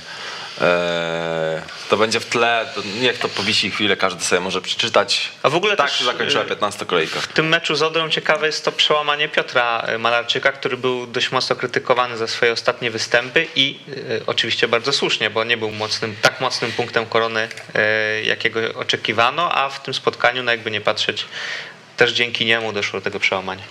To prawda, w ogóle i ten stały fragment Odry i Korony Kielce takie, że bramkarze nie mieli żadnych szans, żeby je wybronić. No bo Odra Bardzo fajnie dużo bramek strzela po stałych fragmentach gry. Myślę, że to jest i po rzutach rożnych ma najwięcej w lidze, pięć, więc e, no to jest jakby ich mocna strona. Wolne wnioski, panowie. E, Dzisiaj rozmawialiśmy z Kamilem Bilińskim. Ja może powiem, że po tym, co zaczął wyczyniać i jakie liczby notować, to e, może będzie pierwszym od dość dawna królem strzelców, który, który będzie wyglądał poważnie, w związku z tym, że strzeli bardzo dużo goli, konkretnie powyżej 20 goli, bo chyba 6 ostatnich sezonów, no to e, pierwszoligowy król strzelców e, tej granicy nie osiągnął. Nie mówię, że to zawsze były złe sezony, bo na przykład był sezon, kiedy Igor Angulo, Jakub Świerczok i Karol Angielski walczyli o koronę króla strzelców. Dwaj pierwsi obronili się kapitalnie na poziomie ekstraklasy później. E, Angielski broni się na poziomie ekstraklasy dopiero teraz, no ale często było też tak, że ten pierwszy ligowy król strzelców nie był do końca poważny i poważany. Nawet Gergel w tym Sabala- sezonie w Ekstraklasie, nie? Sabala chyba 12 goli, e, żeby zostać królem strzelców. Mateusz Machaj, że pomocnik został królem strzelców e, raz, także tutaj Biliński może, może do, w tym sezonie też tak się to wyglądało, że w pewnym momencie chyba było kilku zawodników po 6 trafień, a teraz Biliński trochę uciekł, także Tak, tam Sobczak, Drzazga też byli no, w tej widać, że, widać, że i poważny napastnik, dla którego ten poprzedni poprzedni sezon nie był takim wyjątkiem i wypadkiem przy pracy, tylko on pomimo tego, że został niżej, co mogło nie wiem, źle wpłynąć na jego motywację, e, no to, no to daje z siebie dużo. To prawda. Ja chciałbym w wolnym wniosku nie wiem, czy skrytykować, pewnie też, yy, a na pewno poruszyć sprawę ŁKS-u, bo ta kwestia finansowa to jest jakiś temat na szerszy odcinek, pewnie Mhm. na szerszą rozmowę. Tak, pewnie za tydzień sobie porozmawiamy o tym. Właśnie, natomiast wydaje mi się, że mimo wszystko z ostatnim w tabeli górnikiem Polkowice nie wypada e, stracić punktów. Inna sprawa, że. Dziesiątkę grającą górnikiem To Polkowice. prawda. A przy okazji mogę ci się tylko wtrącić? Mhm. Bardzo ciekawa wypowiedź Rygarda. Sytuacja jest irytująca, zamiast skupić się na piłce muszę sprawdzać stan konta i generalnie narzekał w duńskich mediach na to, że w ŁKS-ie obiecuje się mu, że kasa zaraz będzie, czy tam jutro będzie, a jej nie ma w nieskończoność. No, by to się nie skończyło y, tak jak w Polonii Warszawa z tymi koszulkami na temat pana króla Nie, i no, faktycznie tak tekstu nie. kasa zaraz będzie. No, to, Nie, ostatnio tam też było to dokapitalizowanie, więc myślę, że to, to sporo zmieni. no tak, ale piłkarze cały czas czekają na te No też nie ma takich kontraktów jak wtedy w Polonii. To prawda. które były przejęte. Zupełnie inna sprawa, ale jeśli chodzi o ten mecz, to Górnik Polkowice na pewno do pochwały, bo mimo, że to jest drużyna, która pewnie spadnie w tym sezonie, no nie życzę, ale trochę się na to zanosi, to oni jednak urwali punkty ŁKS-owi, Koronie, pod Beskidziu, Arce Gdynia w tym sezonie, więc to jest jakiś Już wyczyn na pewno. jest do spadku, także spokojnie. No to Plus prawda. też ciekawostka, znaczy ciekawostka, no faktem jest, że w tym meczu grali bez najlepszego piłkarza, czyli bez Mateusza Piątkowskiego, więc to tym Tak. bardziej jest e, budujące. Kajetan Szmyt, drugi taki fajny występ zaliczył, jeśli chodzi o Górnik Polkowice. w meczach z tymi dobrymi rywalami naprawdę fajnie im idzie, ale co do ŁKS-u, no niezależnie od tego, że tych pieniędzy nie ma, to na 90 minut można się skupić bardziej. W derbach była... Może Rygard musiał, wiesz, sprawdzać stan konta na w mecz. przerwie, no być może tak. Ale I wie- wiecie co, w derbach była motywacja, a w tym meczu już tak tego nie No ale widziałem. też była taka narracja przed derbami, że już problemy są najgorsze już za nami. No i teraz, tak. no, wiadomo, trzeba było poprawić atmosferkę przed tym, przed najważniejszym meczem sezonu. Nie od dziś wiadomo, że przed takimi meczami e, często znajdują się pieniądze, których wcześniej brakowało. To prawda, to prawda. Ale jeśli chodzi o Rygarda, to w ogóle chciałem zauważyć, że on e, znacząco poprawił liczby, jeśli chodzi o poprzedni sezon, bo w poprzednim sezonie wypracował trzy bramki, a teraz już ma sześć. No i e, też strzelił gola. Wiadomo, że w tym meczu z Górnikiem akurat powinien strzelić jeszcze jednego i, i to też pewnie trochę jego wina, że nie udało się trzech punktów wyrwać, miał taką setkę. Natomiast mimo wszystko tak w końcu zaczyna jakimiś konkretami sypać i też trzeci mecz z rzędu właśnie Bo miał z... on akurat w tej sytuacji się zastanawiał, czy będzie miał za co zalać. Tak, jedną strzeliłem, to już jest za to, co mi e, zapłaciliście, to teraz za to, co mi wisicie, to nie strzelę. Benzyna droga. No tak, ale ten trzeci mecz rzędu z golem na pewno jakiś ciekawy, a jeśli e, chodzi o e, mój wolny wniosek, to w sumie nie wiem, czy skupić się na tych stałych fragmentach, bo to było ciekawe, że w tej kolejce 11 bramek po nich padło na 17, więc taki dość niespotykany wyczyn. I też ostatnio e, trzecia kolejka z rzędu, w której bardzo dużo bramek po autach pada. Już 8 bramek w trzy kolejki po autach, no to to jest takie coś e, przełomowego i co przykuło moją uwagę. Być może, e, bo też ostatnio u nas był wywiad z trenerem e, od autów, że tak to nazwę. Być może pierwszoligowcy... Liverpoolu chyba, tak? Tak. Być może pierwszoligowcy czytali i sobie to wzięli do serca. Że Polecamy taki idzie. na weszło.com. Janek Piekutowski robił. Ale tam ten Tak jest. chyba trener mówił, że tylko on potrafi, tylko on zna ten sekret. Bo chyba on jest jedynym takim na świecie gościem zatrudnionym tylko od autów, nie? Chyba tak jakoś tam była. Nie zaryzykuję takiej tezy, ale jest to bardzo możliwe. Po karierze drugim będzie Damian Zbozień. Oj, Da, tak. Dawid, Dawid Abramowicz myślę, że też jest mocnym kandydatem do, do tego tytułu. No ale też Emil Tiakane, który ostatnio ma koń... przed, przed, przed programem mówiłeś inaczej. Powiedziałem, a powiedziałem Tiakan, ale powiedzieliśmy, że Tiakan brzmi e, tak wieśniacko, że tak to nazwę. Więc Tiakane, e, skupmy się na tym. Jest ostatnio w końskiej dyspozycji, że tak to nazwę. Przydałby się koronie. No przydałby się. Myślę, że taki napastnik jako dwójka w tym momencie to Oczywiście. za Frączczaka byłby super. No dwie bramki w tym meczu, e, a wcześniej jeszcze też gol i asysta w meczu z Odrą Opole i tak w dwa spotkania w tym w październiku e, praktycznie zrobił cały swój dorobek z tej jesieni, więc widać, że coś tam przeskoczyło w głowie. Mhm. Mi się nie podobało to, że korona wypuściła Tiakane. To jest mój wolny wniosek. Jeszcze Borysiu kolejki. Zobaczmy sobie. Szymon się naprodukował tutaj. ale Borysiukiem został o, Rafał Kurzawa, czyli ta bramka, którą tak y, doczepiliśmy na ostatnią chwilę. Łyszczarz drugi, trzeci Chrapek, czwarty Mesonowicz, nie ma tu mojej zgody. No ale cóż, tak wybraliście, e, takie I mieliście. wy będziecie się musieli zmierzyć z konsekwencjami. O tego Jezu, I rano sobie spojrzeć w lustro. No. Przypomniało mi się jeszcze, bo przy okazji Tiakane, co zrobił w ogóle Jałocha przy tej bramce, bo jeśli mówimy, mówiliśmy o błędzie Wrąbla, no to błąd Jałochy jest jeszcze większy, bo on złapał piłkę, wypuścił i Tiakan ją dobił do pustej bramki, Dobra, więc miałeś swoje dwie minuty. to też y, warto podkreślić, że nie tylko Jakub Wrąbel w tej kolejce się pomylił z bramkarzem. I Rostkowski się pomylił. Nie, nie z bramkarzem, Ale nie był bramkarzem. trzeba, trzeba to podkreślać, bo to był dramat. Szymon Jańczyk, Dzięki. Samuel Szygielski, Dzięki. Mateusz Okuszewski. Dziękuję. Widzimy się za tydzień, możecie dać łapkę w górę, będzie fajnie. E, I co, PDW. Słuchasz Weszło FM.